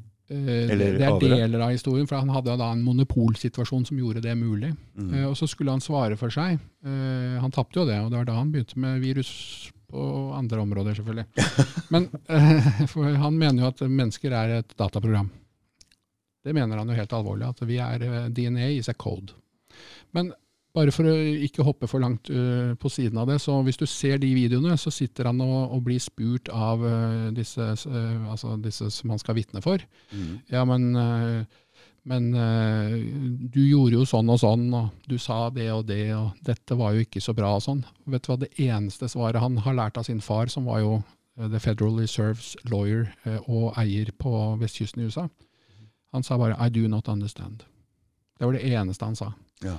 Og når han har sagt det nok ganger, så måtte de bare avslutte. det. Det var ikke noe å spørre han om. Han Han, står han ikke står ikke under deres autoritet. Og det sa han bare hele tiden. Men når vi ser det, så ser vi sånn Å, så tullete å si sånn. Det ser jo helt latterlig ut. Mm. Det er sånn, klart han forstår hva han blir spurt om, men Mm. det handler ikke om å forstå som i å comprehend. Det Nei. handler om to stand under their authority. Så han bare aksepterte ikke det. Så der ble, skjedde det jo ting. Så han angivelig tapte dette, men det tror Men jeg er ikke det sånn også at de kan bare spørre om det samme spørsmålet tre ganger, og hvis du ikke svarer, er det noe der? I eventyrene så blir vi jo lært at uh, det, det, the vampire knocks uh, uh, thrice, altså tre ganger. Mhm. Eh, alle banker Skattefuten banker på tre ganger. og Hvis ikke du har åpna på den tredje gangen, så må han gå, gå uforrettet. Eh, så, så ja, det er masse sånne regler som gjelder tre ganger. Du, du må ha tre eh, varsler før noen kan ta deg til retten, f.eks. Mm.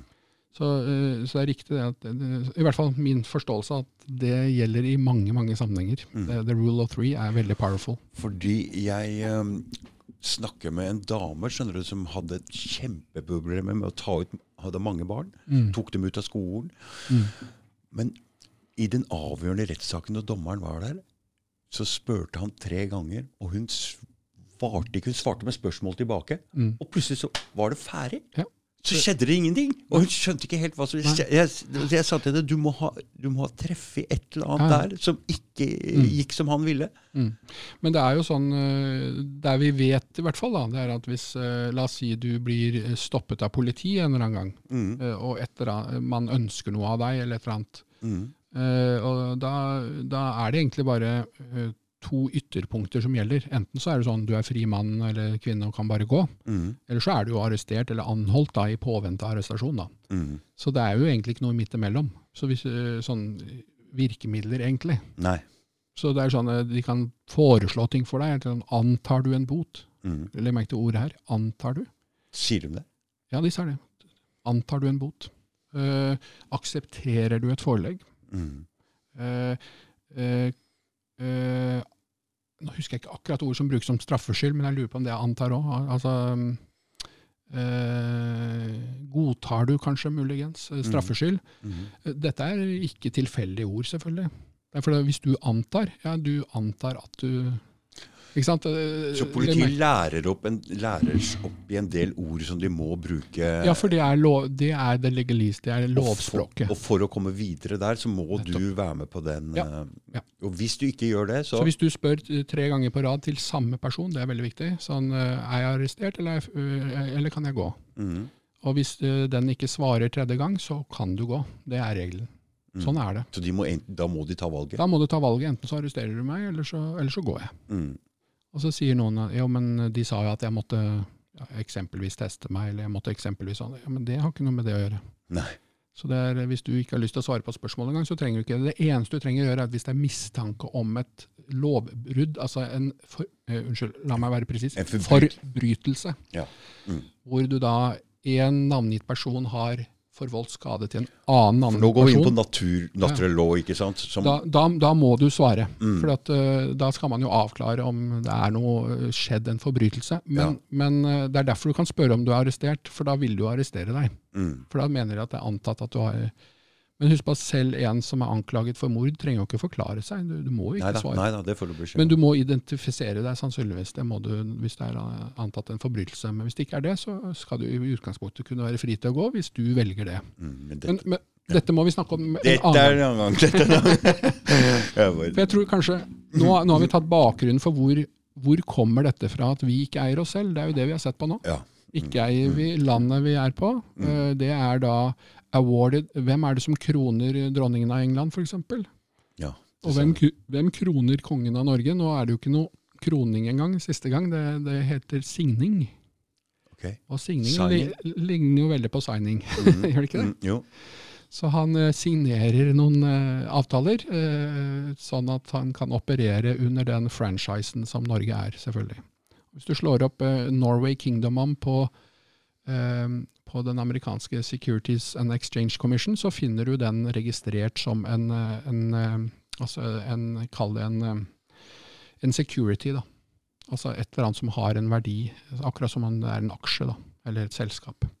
Du finner det, da. Norway Kingdom of. Gå inn på sec.gov, og så slår du det opp selv. Så finner du Norway Kingdom av og med et, et registreringsnummer på den commission. Så det betyr at Norge er en kommersiell virksomhet. Eh, Det finner du med alle andre land nå, for øvrig. Jeg tror det er av de 194 landene i verden, så tror jeg det er 192 eller 91 som har det. Hvem er det som ikke har? det? Jeg mener det, det var Libya og, og Ira, Irak Uff eh, Nei, Iran, unnskyld, og, og Venezuela. Mm. Eh, Nå er det jo ikke lenger Libya, selvfølgelig, Nei. eh, og så videre. Eh, Men eh, dette begynner å bli litt lenge siden, eh, så det kan Ja, hende at det er noen oppdateringer her som ikke jeg eh, Mm, har. mm. Men i hvert fall, det som er viktig her nå, nå forstår vi hvor det der claimet da, om at Mm. vi ikke eier oss selv kommer fra. Ja. Men det er gjort veldig elegant. For de kan ikke gjøre det bare med å presse det på oss og bare claim. Sånn funker ikke. Nei.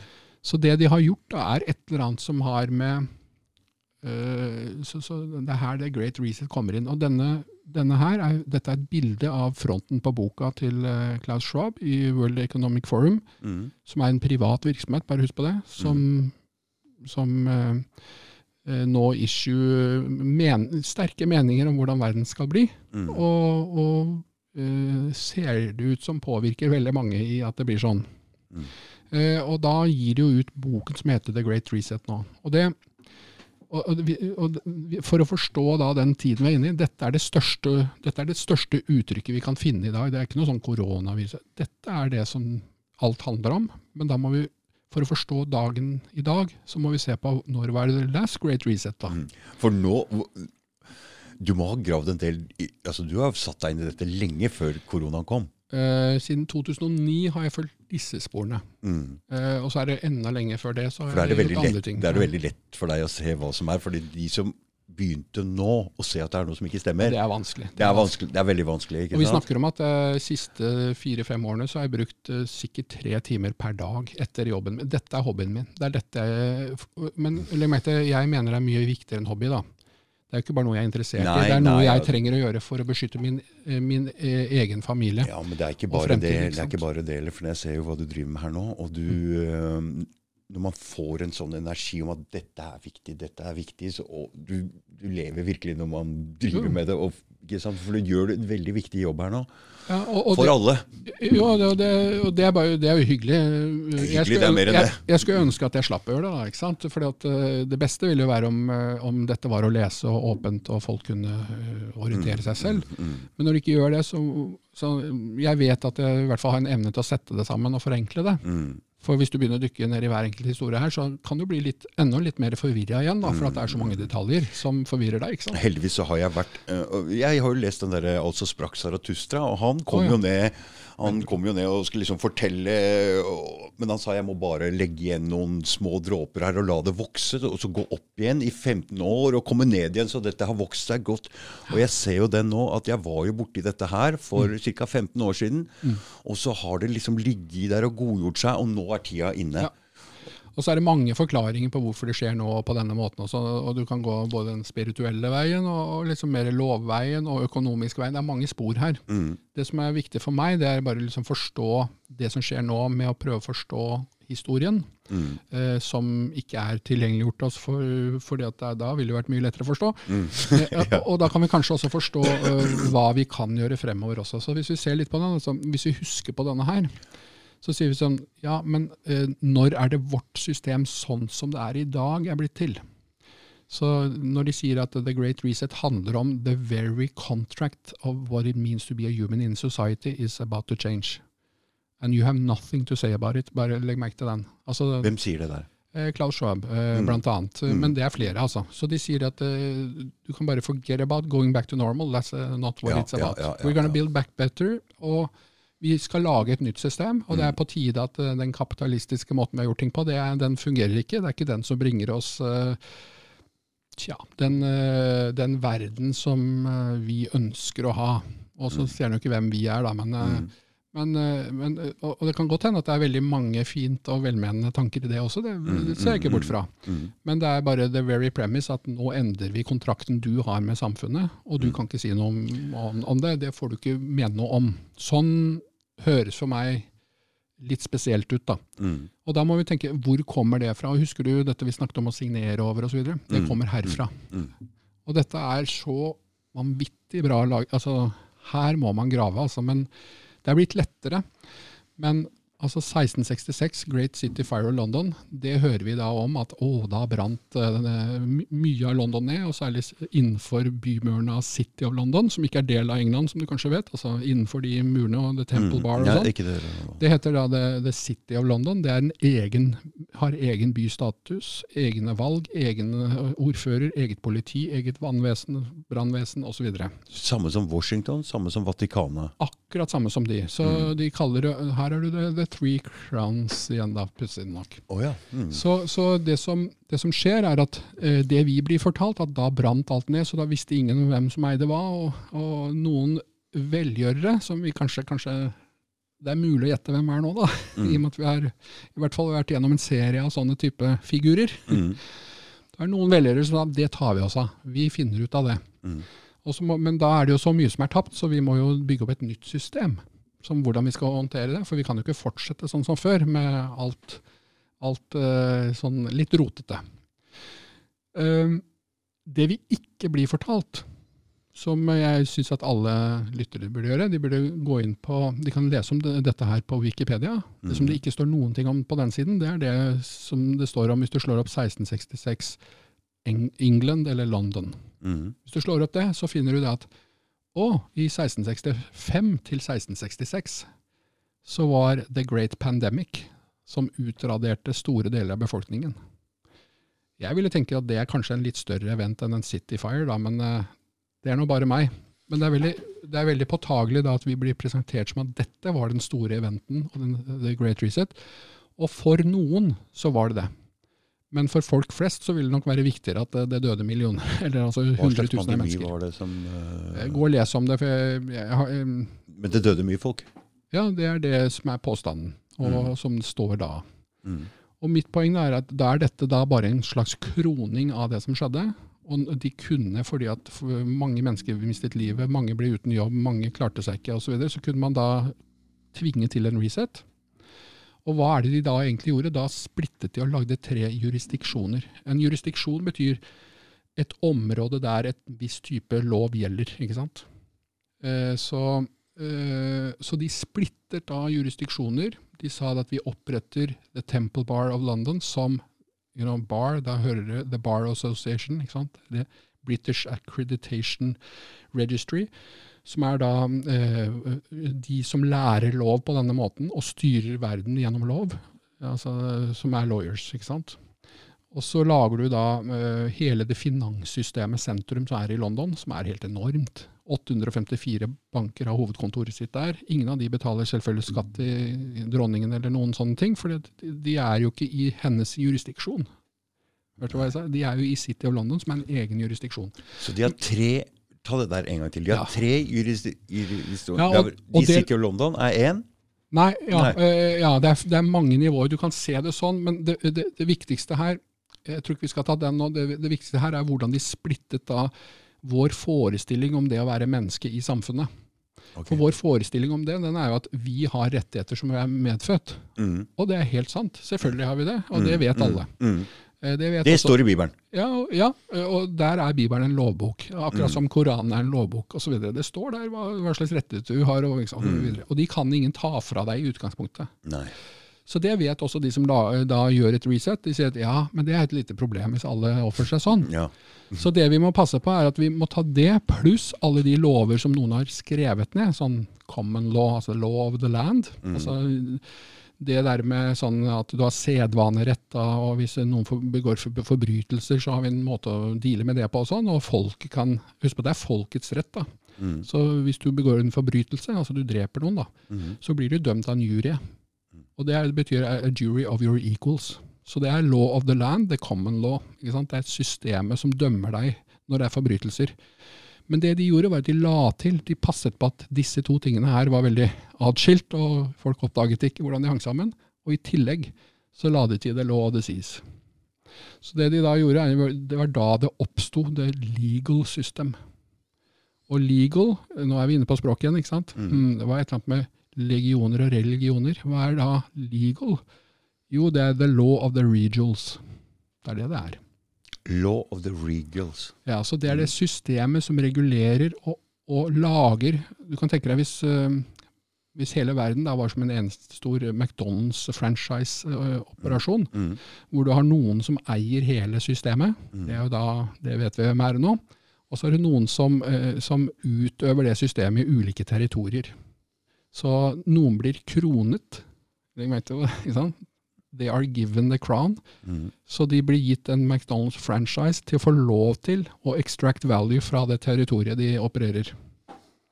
Så, så det betyr, Og da trenger du et system, et lovsystem, som regulerer det mellom alle de.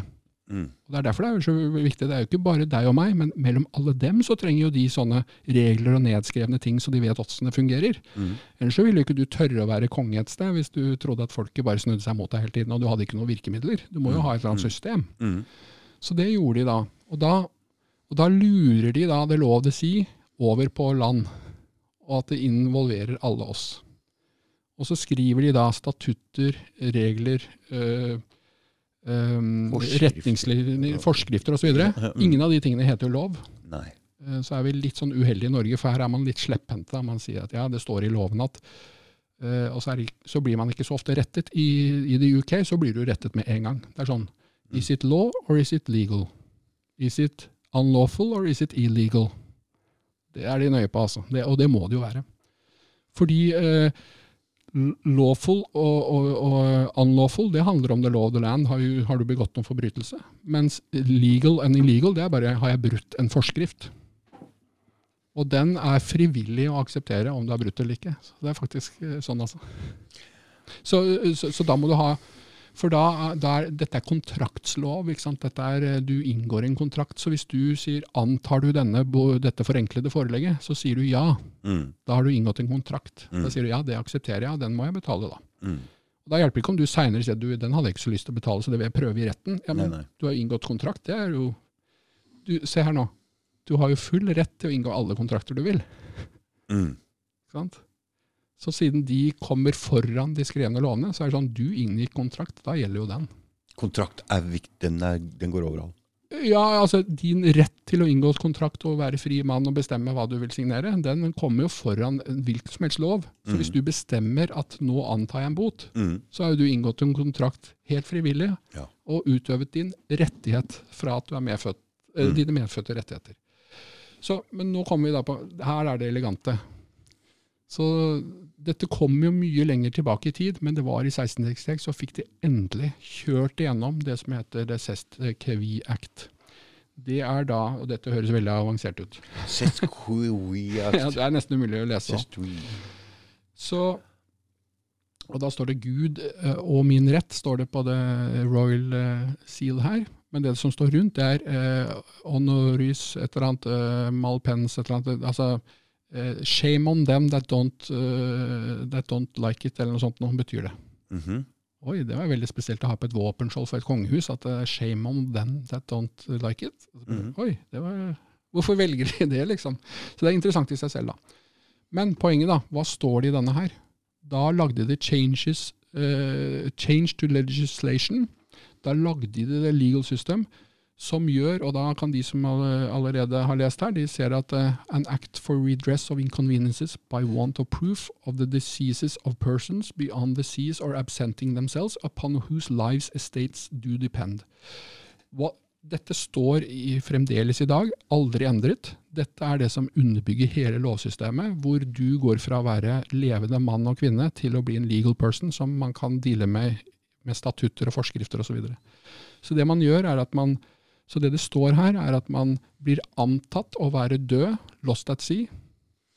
Du er, du, er, du er, at sea, og da er du presumed dead. Mm. Inntil du melder deg og sier nei, nei, nei, nei, jeg lever, se her, jeg går på land, og jeg har rettigheter.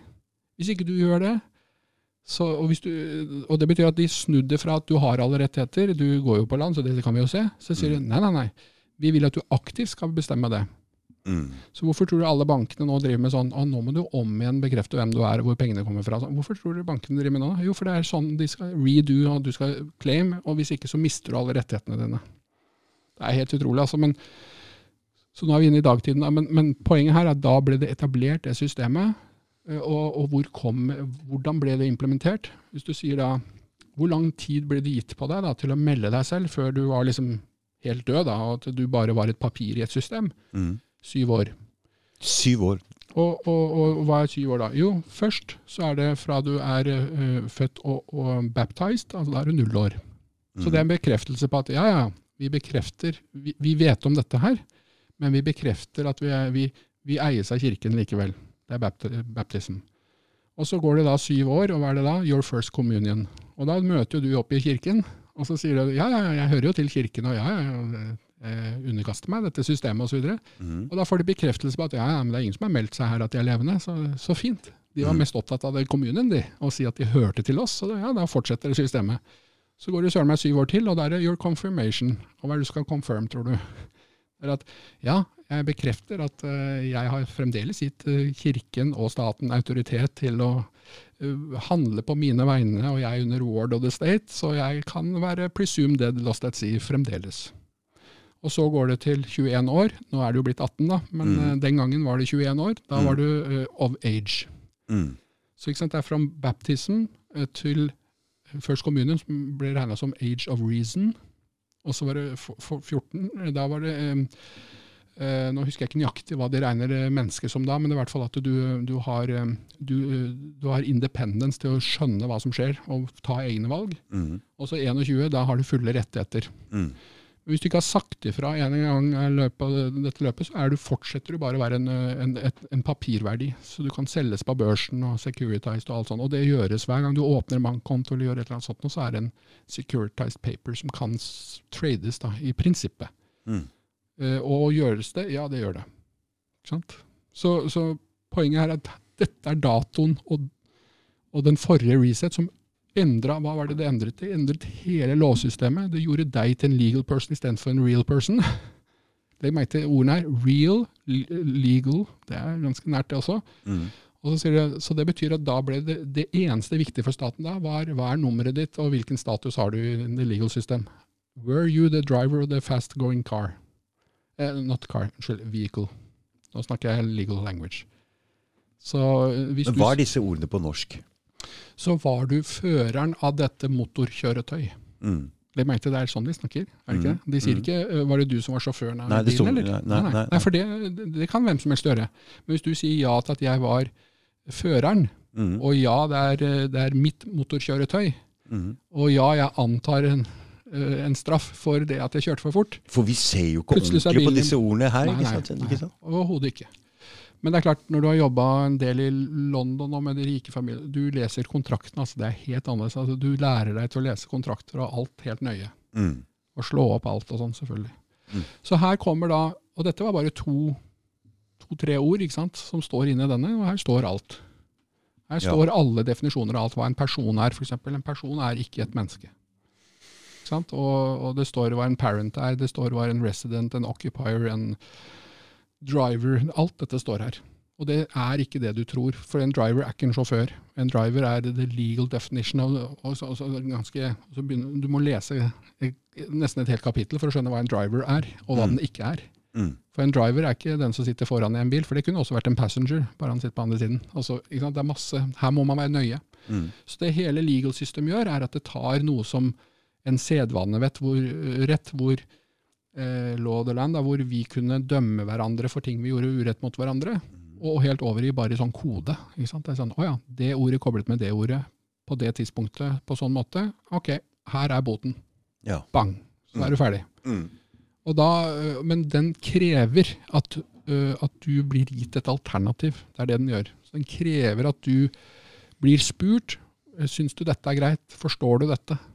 Så i Norge så bruker vi forstår, ehm, forandre, eh, forklare. Liksom forordet er det som er under i, på, på britisk. da. Står du foran meg? Foran. Mm. Så hvis du står foran meg, så er du min slave, da, på en måte. Eller du underkaster deg meg. Mm. Eh, stå foran eh, kongen, stå foran eh, dommeren, stå foran. Ikke sant? Så, men la oss bare se. Så hva betyr dette i dag, da? For at nå har vi jo fått beskjed om at det er eh, en ny reset. Det er jo det de sier, dette er the great reset. Mm. Og hvis den er enda større, som de påstår, enn den som var for 400 år siden, ja, da Og de sier at dette endrer hele uh, hva det betyr å være menneske i samfunnet. Det syns jeg høres veldig viktig ut, ja, da. Mm. Og Da syns jeg det høres veldig viktig ut at i hvert fall vi har en tanke om hva betyr det for oss, så kan vi si noe, da? Har vi noe rett til å bestemme hvordan det blir, eller er det bare sånn?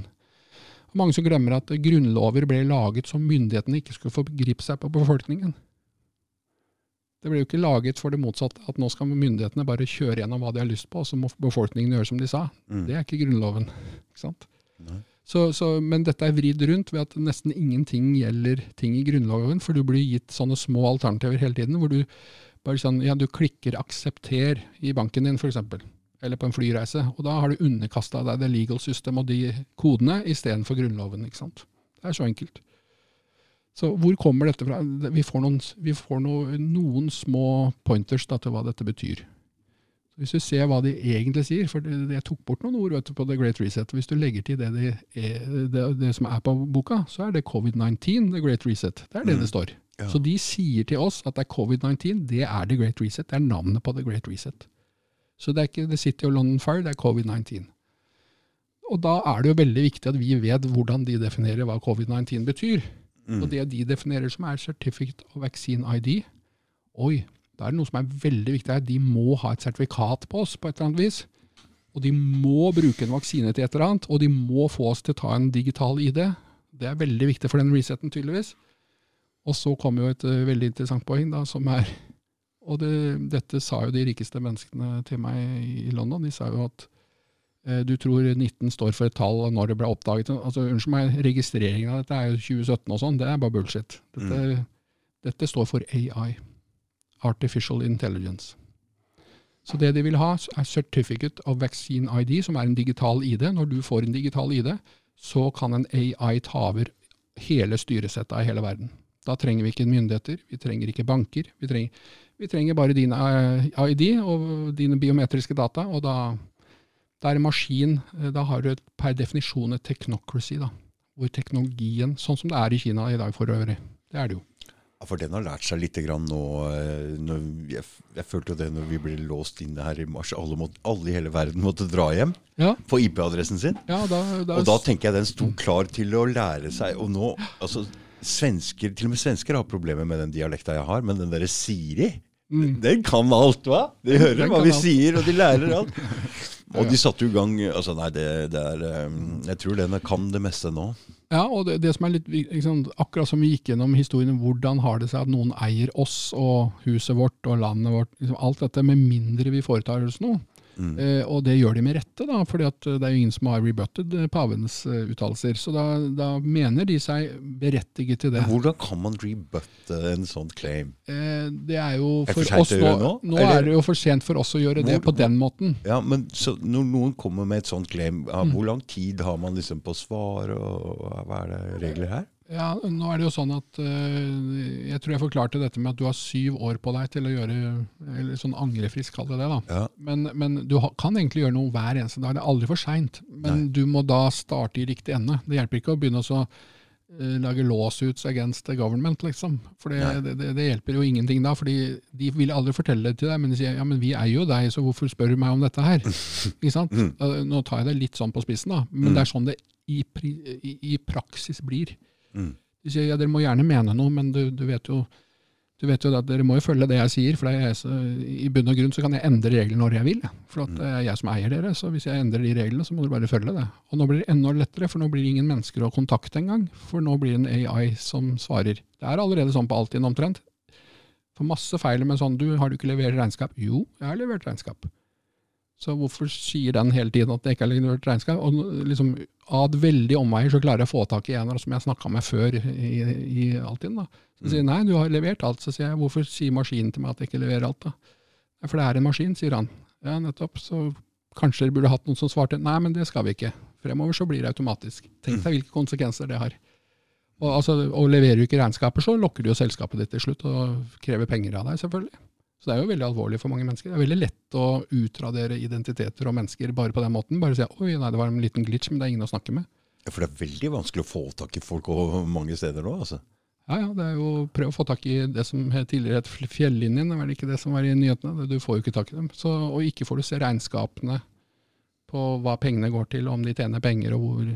ikke sant? Mm. Det er ingenting åpent, for det er jo såkalt public-private partnerships. Det er sånn de ordner seg. da, at du du får ikke se noe fordi det er privatrettslige regler. Men det er eh, surra inn med myndigheter, så vi, ja, vi, vet ikke hvem som bestemmer hva og hvorfor osv. Men jeg tenkte jeg skulle vise eh, Dette går jo litt mot avslutningen eh, i, i, av dette nå. Mm. Men, men, akkurat på samme måte som hvordan ble dette med eierskap til, så hvordan ble dette med identitet til? Opprinnelig så var identitet og eierskap til deg selv det var det, og lov det handlet om blood. Det var your bloodline, your family. ikke sant? Mm. Og du kan fremdeles se um, referanser til dette i filmer som går og sånn. John Wick, for eksempel. Bare se det i filmene. Det er blood oath. ikke sant? At eh, jeg sverger på mitt blod. Hva betyr det egentlig? Altså, det betyr at hele familien min står bak meg og bekrefter at uh, dette stiller vi opp på. ikke sant? Mm. Og selv om du er aleine, så er det i hvert fall ditt blod. da, og Det betyr at uh, du aksepterer at noen kan draw your blood if you don't uh, do what, what you agreed to. Betyr det det, når du signer med blodet ditt, at da da, Det er den høyeste form for autoritet du kan ha. Det er jo ingen mm. høyere autoritet. Nei. Eh, det er sånn, ja, men det, kom, det, er hele familielinjen min. Det er, det er, derfor jeg er her. Jeg er mm. født av en creator, og noen ville si creator, det var my mom and dad. Mm. Ja, ja, ok, det er en, det er en creator, det, det er creators, de òg. Mm. De har skapt meg. Og Ergo så må jo de også være den fremste autoriteten på hvorfor er jeg her, og hva er jeg skal her, og hvilke rettigheter har jeg på mange måter. da. Så lov, det kom fra Du vet jo hvordan man snakket om 'written in blood'. Det var det ultimate du kunne, du kunne gjøre. Mm. Og så kom det neste med er det Noen som sikkert husker historien om Moses kommer ned fra demanten med steintavler. Han, eh, han skrevet var, i stein. Ja, og da var ting skrevet i stein. Og da kom mm. det rett fra the creator, sier de. ikke sant? Mm. Og da kunne du rule tribes og sånn, uh, uavhengig av Ja ja, men dere hadde noen regler i deres familie, men la oss bli enige om noen fellesregler, da, så alle familiene kan liksom klare å samhandle. og Det er så upraktisk å draw blood eh, hele tiden, osv. osv. Og så kommer det da uh, law on paper. Dette er en romersk og fønisk og egyptisk oppfinnelse, som er helt fabelaktig, selvfølgelig. Når du kan skrive noe ting ned på papiret og bekrefte det, begge parter, så er det loven. Så en avtale, en kontrakt deg og meg imellom, hvis vi hadde en kontrakt om dette intervjuet f.eks., så kunne vi bestemme at det vi skriver ned, det er loven. Og det blir jo loven, for hvis ikke vi innfrir, så kan vi jo ta det til noen andre og, og bli dømt på det. Mm. Så det er jo loven.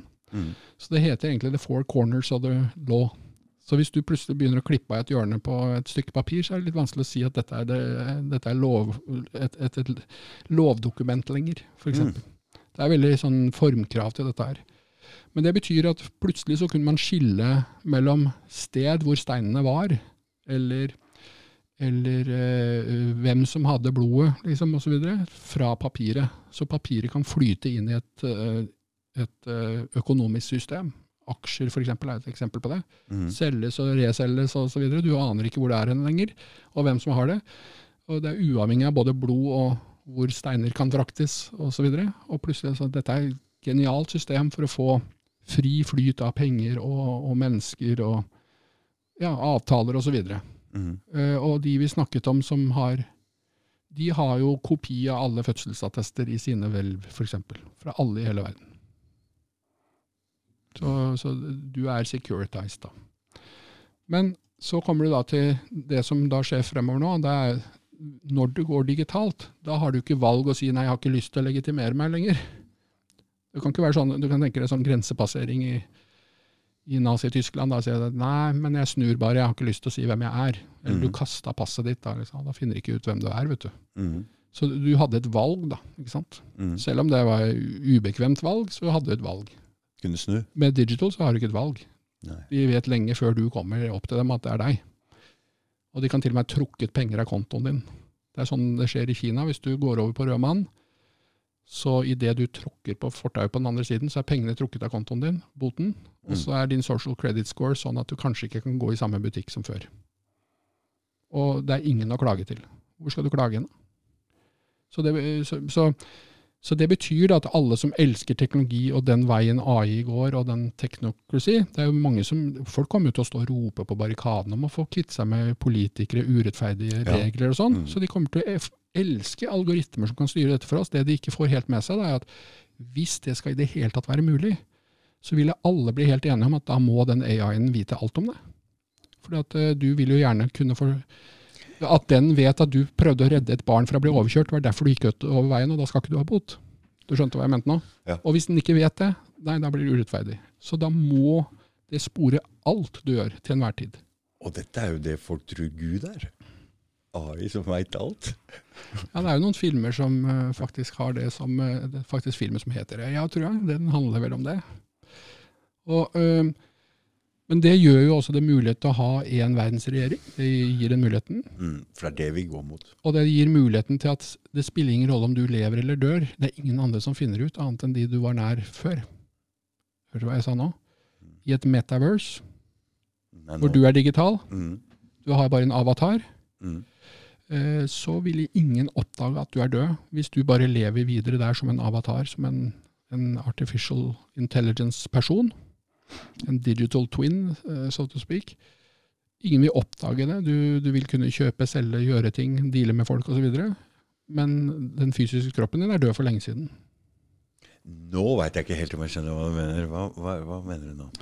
Så når Facebook uh, har annonsert at uh, fremtiden er metaverse, dvs. Si et uh, slags samfunn som bare er i det digitale, hvor du vil ønske å oppholde deg og være mer enn i den virkelige verden. For det er mange som allerede er i det? Ja, ja absolutt. Og, så, og folk aksepterer det. Da må de ha en digital ID for å komme inn dit, selvfølgelig. Og så må de da forholde seg til alt som er elektronisk. Elektroniske penger, ID, ja, alle typer relasjoner osv. Uh, men det jeg prøver å si, det er at hvis noen døde i the real world, mm. så ville ingen oppdage det i the metaverse. For den lever jo bare videre og gjør det videre det den har lært at den skal gjøre. Og det du har bestemt at den skal gjøre. Det, det kan i hvert fall være sånn. Mm.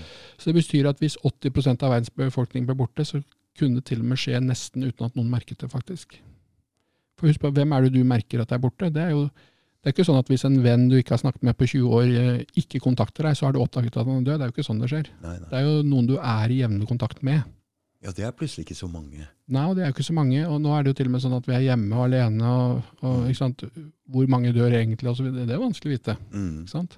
Og ja, det, altså det der med den verden som er på internett, og den som er i, mm. det vi treffer i virkelig verden, og, ja. det, det, det, er stor forskjell på det jeg oppfatter som Absolutt. det verden Absolutt. Men hvis vi vil se hvor det går hen, så er det jo Kina som er den beste modellen å se på, for det er den man vil ha. Og Brzezinski og Kissinger hjalp jo Mao med å lage ikke et kommunistisk styre. Det er feil. Det, det, det står skrevet mange steder, altså. Eh, historien er den at de hjalp eh, Mao å lage et technocracy et teknokratisk samfunn hvor teknologien styrte. Men det ville jo ta årtier, og det har de jo gjort. Men nå er vi der. Og Det betyr at uh, hvis det er i Kina i dag, så må vi regne med at dette er Og dette sier folk nei, det stemmer ikke, men det er veldig nære nå.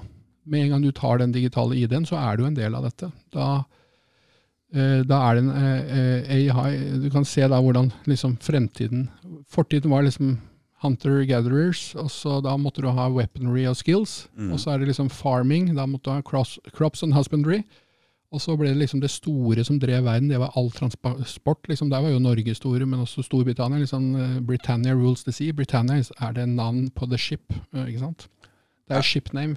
Ja, er Britannia det? rules the sea, ja ja. Hva mener du med at Britannia er ship name?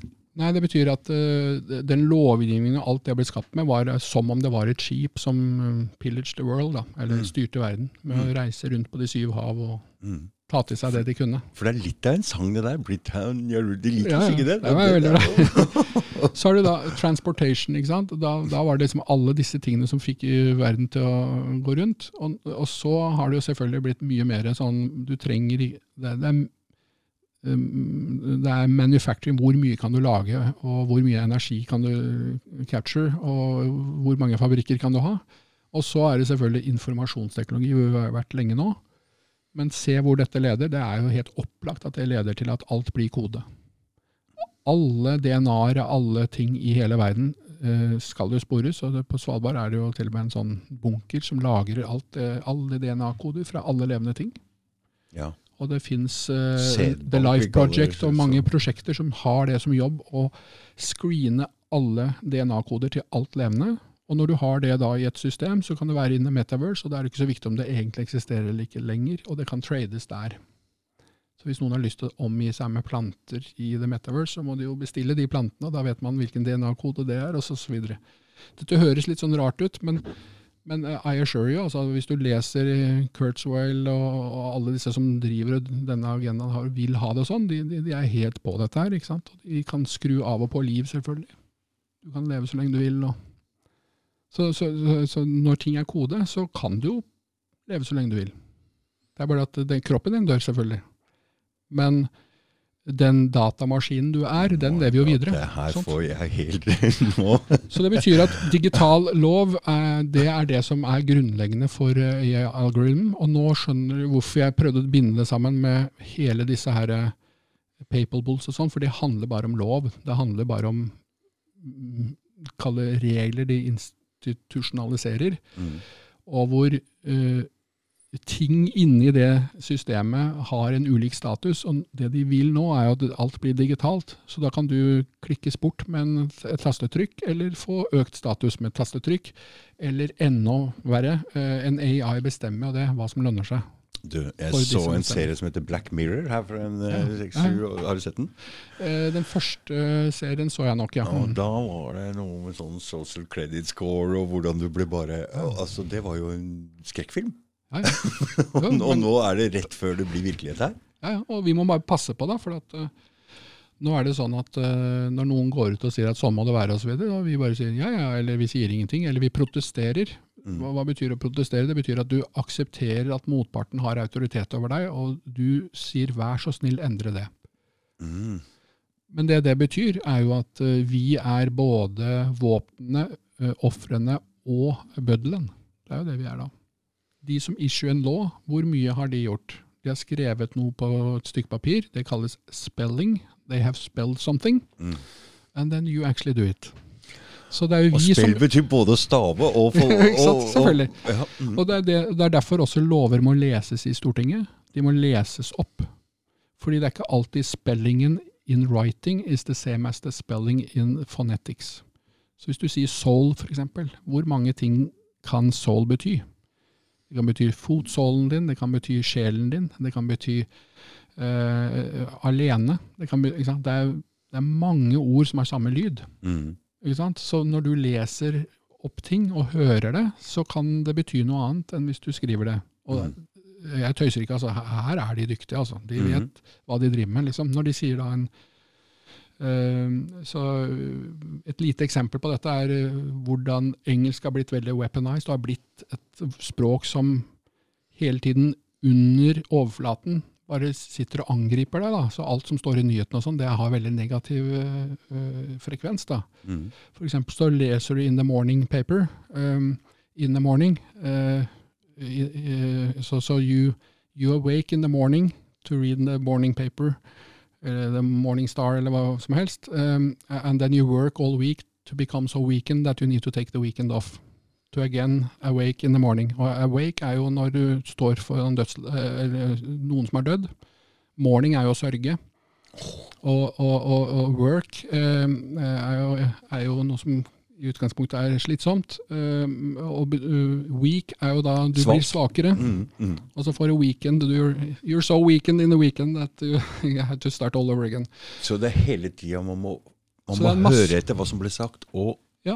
mm, Og, og ikke bare anta hva det betyr, men høre hva det betyr. Så, så, så, så det er litt slitsomt, men, men samtidig da, så betyr det at når du blir fortalt ting og du har valg å gjøre, så må du lytte til hva som egentlig sies og hva som foreslås. mm, Og det som er mitt største anliggende, som jeg håper vi kan snakke om en annen gang, det er jo um, siden de bare peker på deg Unnskyld. Mm. Mhm. Siden, siden de bare peker på deg Nå pekte jeg litt hardt, merket jeg. så jeg håper du sitter ennå. Mm. Eh, så, så sier de bare sånn Ja, we cast a spell on you. Så, så nå er det du som må utføre det. Mm. Så det er jo ikke myndigheter som utfører noen ting som vi ikke er enig i i dag. Nei, nei. nei. Det er jo vi som gjør det. Mm, Så når du sier ja, ja, ja, jeg, jeg tar gjerne på meg maske slik at jeg demonstrerer at jeg kan være syk, sånn at loven gjelder meg, f.eks. mm, Staten sier jo det at nei, vi anbefaler, og det er lurt av dem å si, for at Mhm. du må jo ikke. nei, nei. Men hvis du gjør det, da gjelder smittevernloven deg. Fordi du har volunteered og sier at ja, se her, jeg kan være syk. Og det er veldig presis på at det hjelper ingen å, å um, ikke bli syke. Det beskytter andre. Hva er det egentlig vi sier? Du sier at du kan være syk når du har maske på. Mm, Og da kan vi bruke loven overfor deg deg. Mm. Behandle deg som det. mm, Og det samme gjelder jo selvfølgelig testing og ta medisiner, selvfølgelig. Jeg kaller det medisiner. Eh, også, men også ta imot the digital ID. Det er sånn Du blir hele tiden servert sånne, sånne nuggets, sånne bribes, da. mm, Sånn eh, Ja, hvis du bare uh, tar, tar disse medisinene og, og får dette passet, så kan du fly, f.eks. mm. Og det vil jo mange gjøre, så da sier de ja, da gjør vi det. Og så skjønn, Det er veldig vanskelig da å dra linket til å ja, så det er hele grunnlaget for det AI-systemet er at de har min digitale ID, sånn at de kan lage programmerbare penger som bestemmer hva jeg kan bruke pengene på i fremtiden, f.eks. Mm, Og de kan spore meg hvor som helst og slå av kontoene mine osv. mm. Det tenker jo ikke jeg på når jeg skal fly. Dette har det vært noen advarsler om i Bibelen, f.eks.? Eh, Ja, det, der, det kan sikkert du mye bedre enn meg. Jeg kan ikke, jeg, men um, Jeg tror nok det er sånn, og, men, men det morsomme kanskje, da, det, du kanskje relaterer til også, er sånn The Mark of the Beast. mm, mm. Eh, Da, det, hvis du leser nøyaktig hva som står, eksempel, må du Mm. være nøye. Det står ikke 'mark eh, on your forehead or on your hand'. Nei. Det står 'mark in your hand'. Det er jo mobiltelefonen, f.eks. Mm. And or in your forehead. Så hvor er det testen dyttes hen? Det langt oppi nesa der? Å ja, så rart. Rett oppi der hvor Ja. Så, uh, så de sier jo aldri 'on the forehead'. Så hvorfor, hvorfor snakker folk om et eller annet 'mark in their forehead'? Mm. Det er jo 'in your forehead'. Det, de skal, det er det man blir fortalt, i hvert fall. Mm. Hva det betyr, men folk tolker selv. Eh, Og om Bibelen eh, er en profetisk bok eller en bruksanvisning for noen, Det tenkt det må også folk det- eh, bare bedømme selv. Nei, altså Hadde den vært hadde den vært gjemt bort og ingen hadde lest den, så kunne vi jo sett om det var en spådom eller ikke. Men når så mye folk har Ja, man, progra blitt programmert med det som står der, så ja, Den brukes i, gjennom alt i livet omtrent. Hele vestlig sivilisasjons måte Ja. å tenke på er jo etablert Mm, med den. mm. Og, og, og i hvert fall de som styrer verden, tror i hvert fall fryktelig mye på hva som står der, og bruker det hver dag. mm, Hva betyr dette nå? nå vi, jeg tror vi runder av her nå, men Ja. hva betyr dette? Det betyr at eh, når vi hadde det når vi er varslet om at nå er det Great Reset som skal endre alle forutsetninger for hva det betyr å være human in society, og så har vi et tidlighet som vi har sett åssen spiller ut, som vi har litt erfaring fra hva har ført til, at eh, ingen av de tingene vi omgjør oss med eier vi selv, f.eks. Da blir jo jeg litt tvilende til at denne Great Reset er så jævlig great for oss. mm, Eh, Vi antar at den ikke er det. mm. Eh, og da vil jeg spørre meg selv, er det ikke da på tide at vi har vår egen reset? For det kan vi jo. Vi kan jo resette denne kontrakten når som helst. Helt frivillig, det vet alle. Så det vi, mm, og og vi skal ikke gjøre det her og nå, si hva det er og sånn, men vi kjenner ganske mange som gjør dette, og vi Mm, mm, gjør mm. noen ting selv, og, Mm. og det er mange ting som får veldig eh, positive konsekvenser, og det, det kan vi ta mer om siden.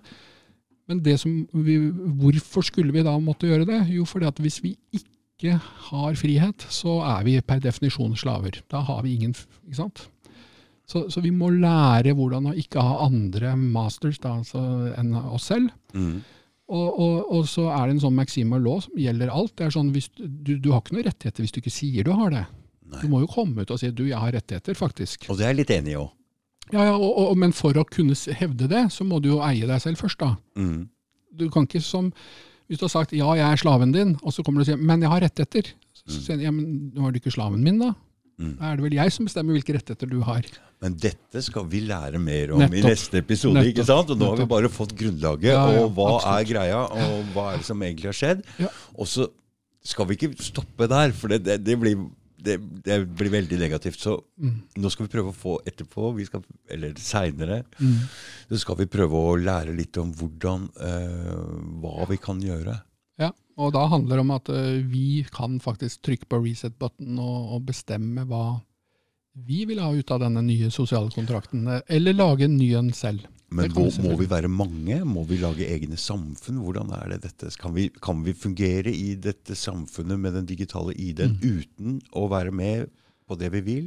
Ja. Hvordan ser du på En, det? enhver som har vært markedsfører på Facebook, ville kunne svare lett på det. For Ja. der tror man at man må nå Man er lurt til å tro at man må nå tusenvis av mennesker som Facebook eier eh, relasjon til, og betaler for det hver gang, for å i det hele tatt kunne overleve som i business. Mm. Eh, de som da blir litt mer erfarne på det, lærer seg jo måter å selvfølgelig ikke betale for å nå alle. Mm. Og til slutt så sitter du igjen med ganske få du egentlig når, men det er de du bør nå, for det er de som er interessert i det du holder på med. Ja. Ja, så kan det til og med hende at det går så langt at du oppdager at å, vi lever jo veldig bra på bare noen hundre, eller bare noen ja da. En advokat kan jo ikke ha 200 kunder samtidig, det er jo vanskelig. Mm. Så en advokat trenger ikke å nå 200 hele tiden. Nei. Det det er bare ett eksempel. da. Mm. Så det vi blir litt overrasket over, er hvor få trenger vi egentlig å være for at det har en veldig stor verdi. Mm. Eh, og mm, begynne å gjøre ting som vi kan råde over selv. Det er så mange færre enn det man tror. Altså, når de som prøver det da ut i praksis, sier det oi, du verden, det var Og det er klart også når det har økonomiske sider av det, at det er mye lettere å klare seg. Mm. Så er det jo en sånn som dagens system er, så, så er jo det noe som smører også litt. Mm. Så, så neste gang kan vi snakke mer om uh, My Reset og hva vi kan gjøre. Og, hvordan, uh, og da vil vi også tippe at vi burde snakke litt om hvordan bør vi forholde oss til storsamfunnet. Eh, også sånn, Burde vi protestere, er det den riktige måten? Burde vi, eh, hva kan vi gjøre for å få det samfunnet vi fortjener? Mm. Eh, og ikke minst, hvordan kan vi beskytte oss selv og vår familie og våre venner og Mm. vårt community? da. Mm. Dette er så spennende. Så eh, Hvis dette var eh, ok, så tror jeg egentlig det er sånn Mm. Da er det vel egentlig sånn at vi, vi må bare være enige at det må starte med oss, men nå kjenner vi hvorfor det er blitt sånn. Da kan vi ikke bare si du, hør her, jeg har rettigheter, og jeg Nei, du eier ikke deg selv før du gjør noe riktig. Mm. ikke sant? Mm. Og da, og da skjønner vi at det fører ikke noe frem. Mm. Hvis vi bare banker hardere liksom, Mm. og tar til våpen og så videre, ja, men vi eier jo ikke oss selv og barna våre og businessen vår. Så det blir jo tatt unna oss på et øyeblikk, hvis noen vil. Mm. Og da står vi jo på bar bakke. Da har vi jo ingenting. Er, er det sånn vi vil ha det? Nei, det, vi må gjøre noe litt smartere, kanskje. Mm. Så bra. Ja, det, det er veldig gøy, da. Ja, det er veldig gøy. Det Den praksisen er morsommere enn teorien, men, men man må forstå Eller jeg syns i hvert fall det var viktig for meg og min familie å forstå hvor ting kommer fra, sånn at vi ikke bare hele tiden stanger hodet i veggen og ikke skjønner hvorfor vi får vondt. Mm. Fordi du sa en liten analogi her om at vi spiller håndball på en fotballbane og skjønner ikke helt reglene. Ja, jeg tror det er veldig riktig analogi. Altså, vi tror vi kan bare løpe rundt med ballen i hendene på en fotballbane, hvor noen har laget reglene, og, og dommeren heter staten eller andre ting, og så, og så skjønner vi ikke hvorfor noen blåser i fløyta og sier hei, hei, det kan du ikke gjøre. Og så begynner vi å protestere, og så begynner vi å heie folk fra sidelinjen. Det hjelper ingenting. Så, vi må, så enten må vi spille håndball, lage egne spilleregler og spille håndball og si at vi klarer oss fint med det. Mm. Eller så må vi finne måter å uh, spille fotball på, men hvor det ikke har den samme konsekvensen for oss, da, om vi Mm. ikke skårer mål eller ikke redder ballen eller osv. Mm. Men det kan vi snakke mer om uh, siden. Mm. Tusen takk. Dette var veldig, veldig kult og veldig interessant. Beste tema. Tusen takk, yep. Dag Thomas. Da, da um, ses vi kanskje igjen. Ja, det gjør vi. Ha det. Ha det.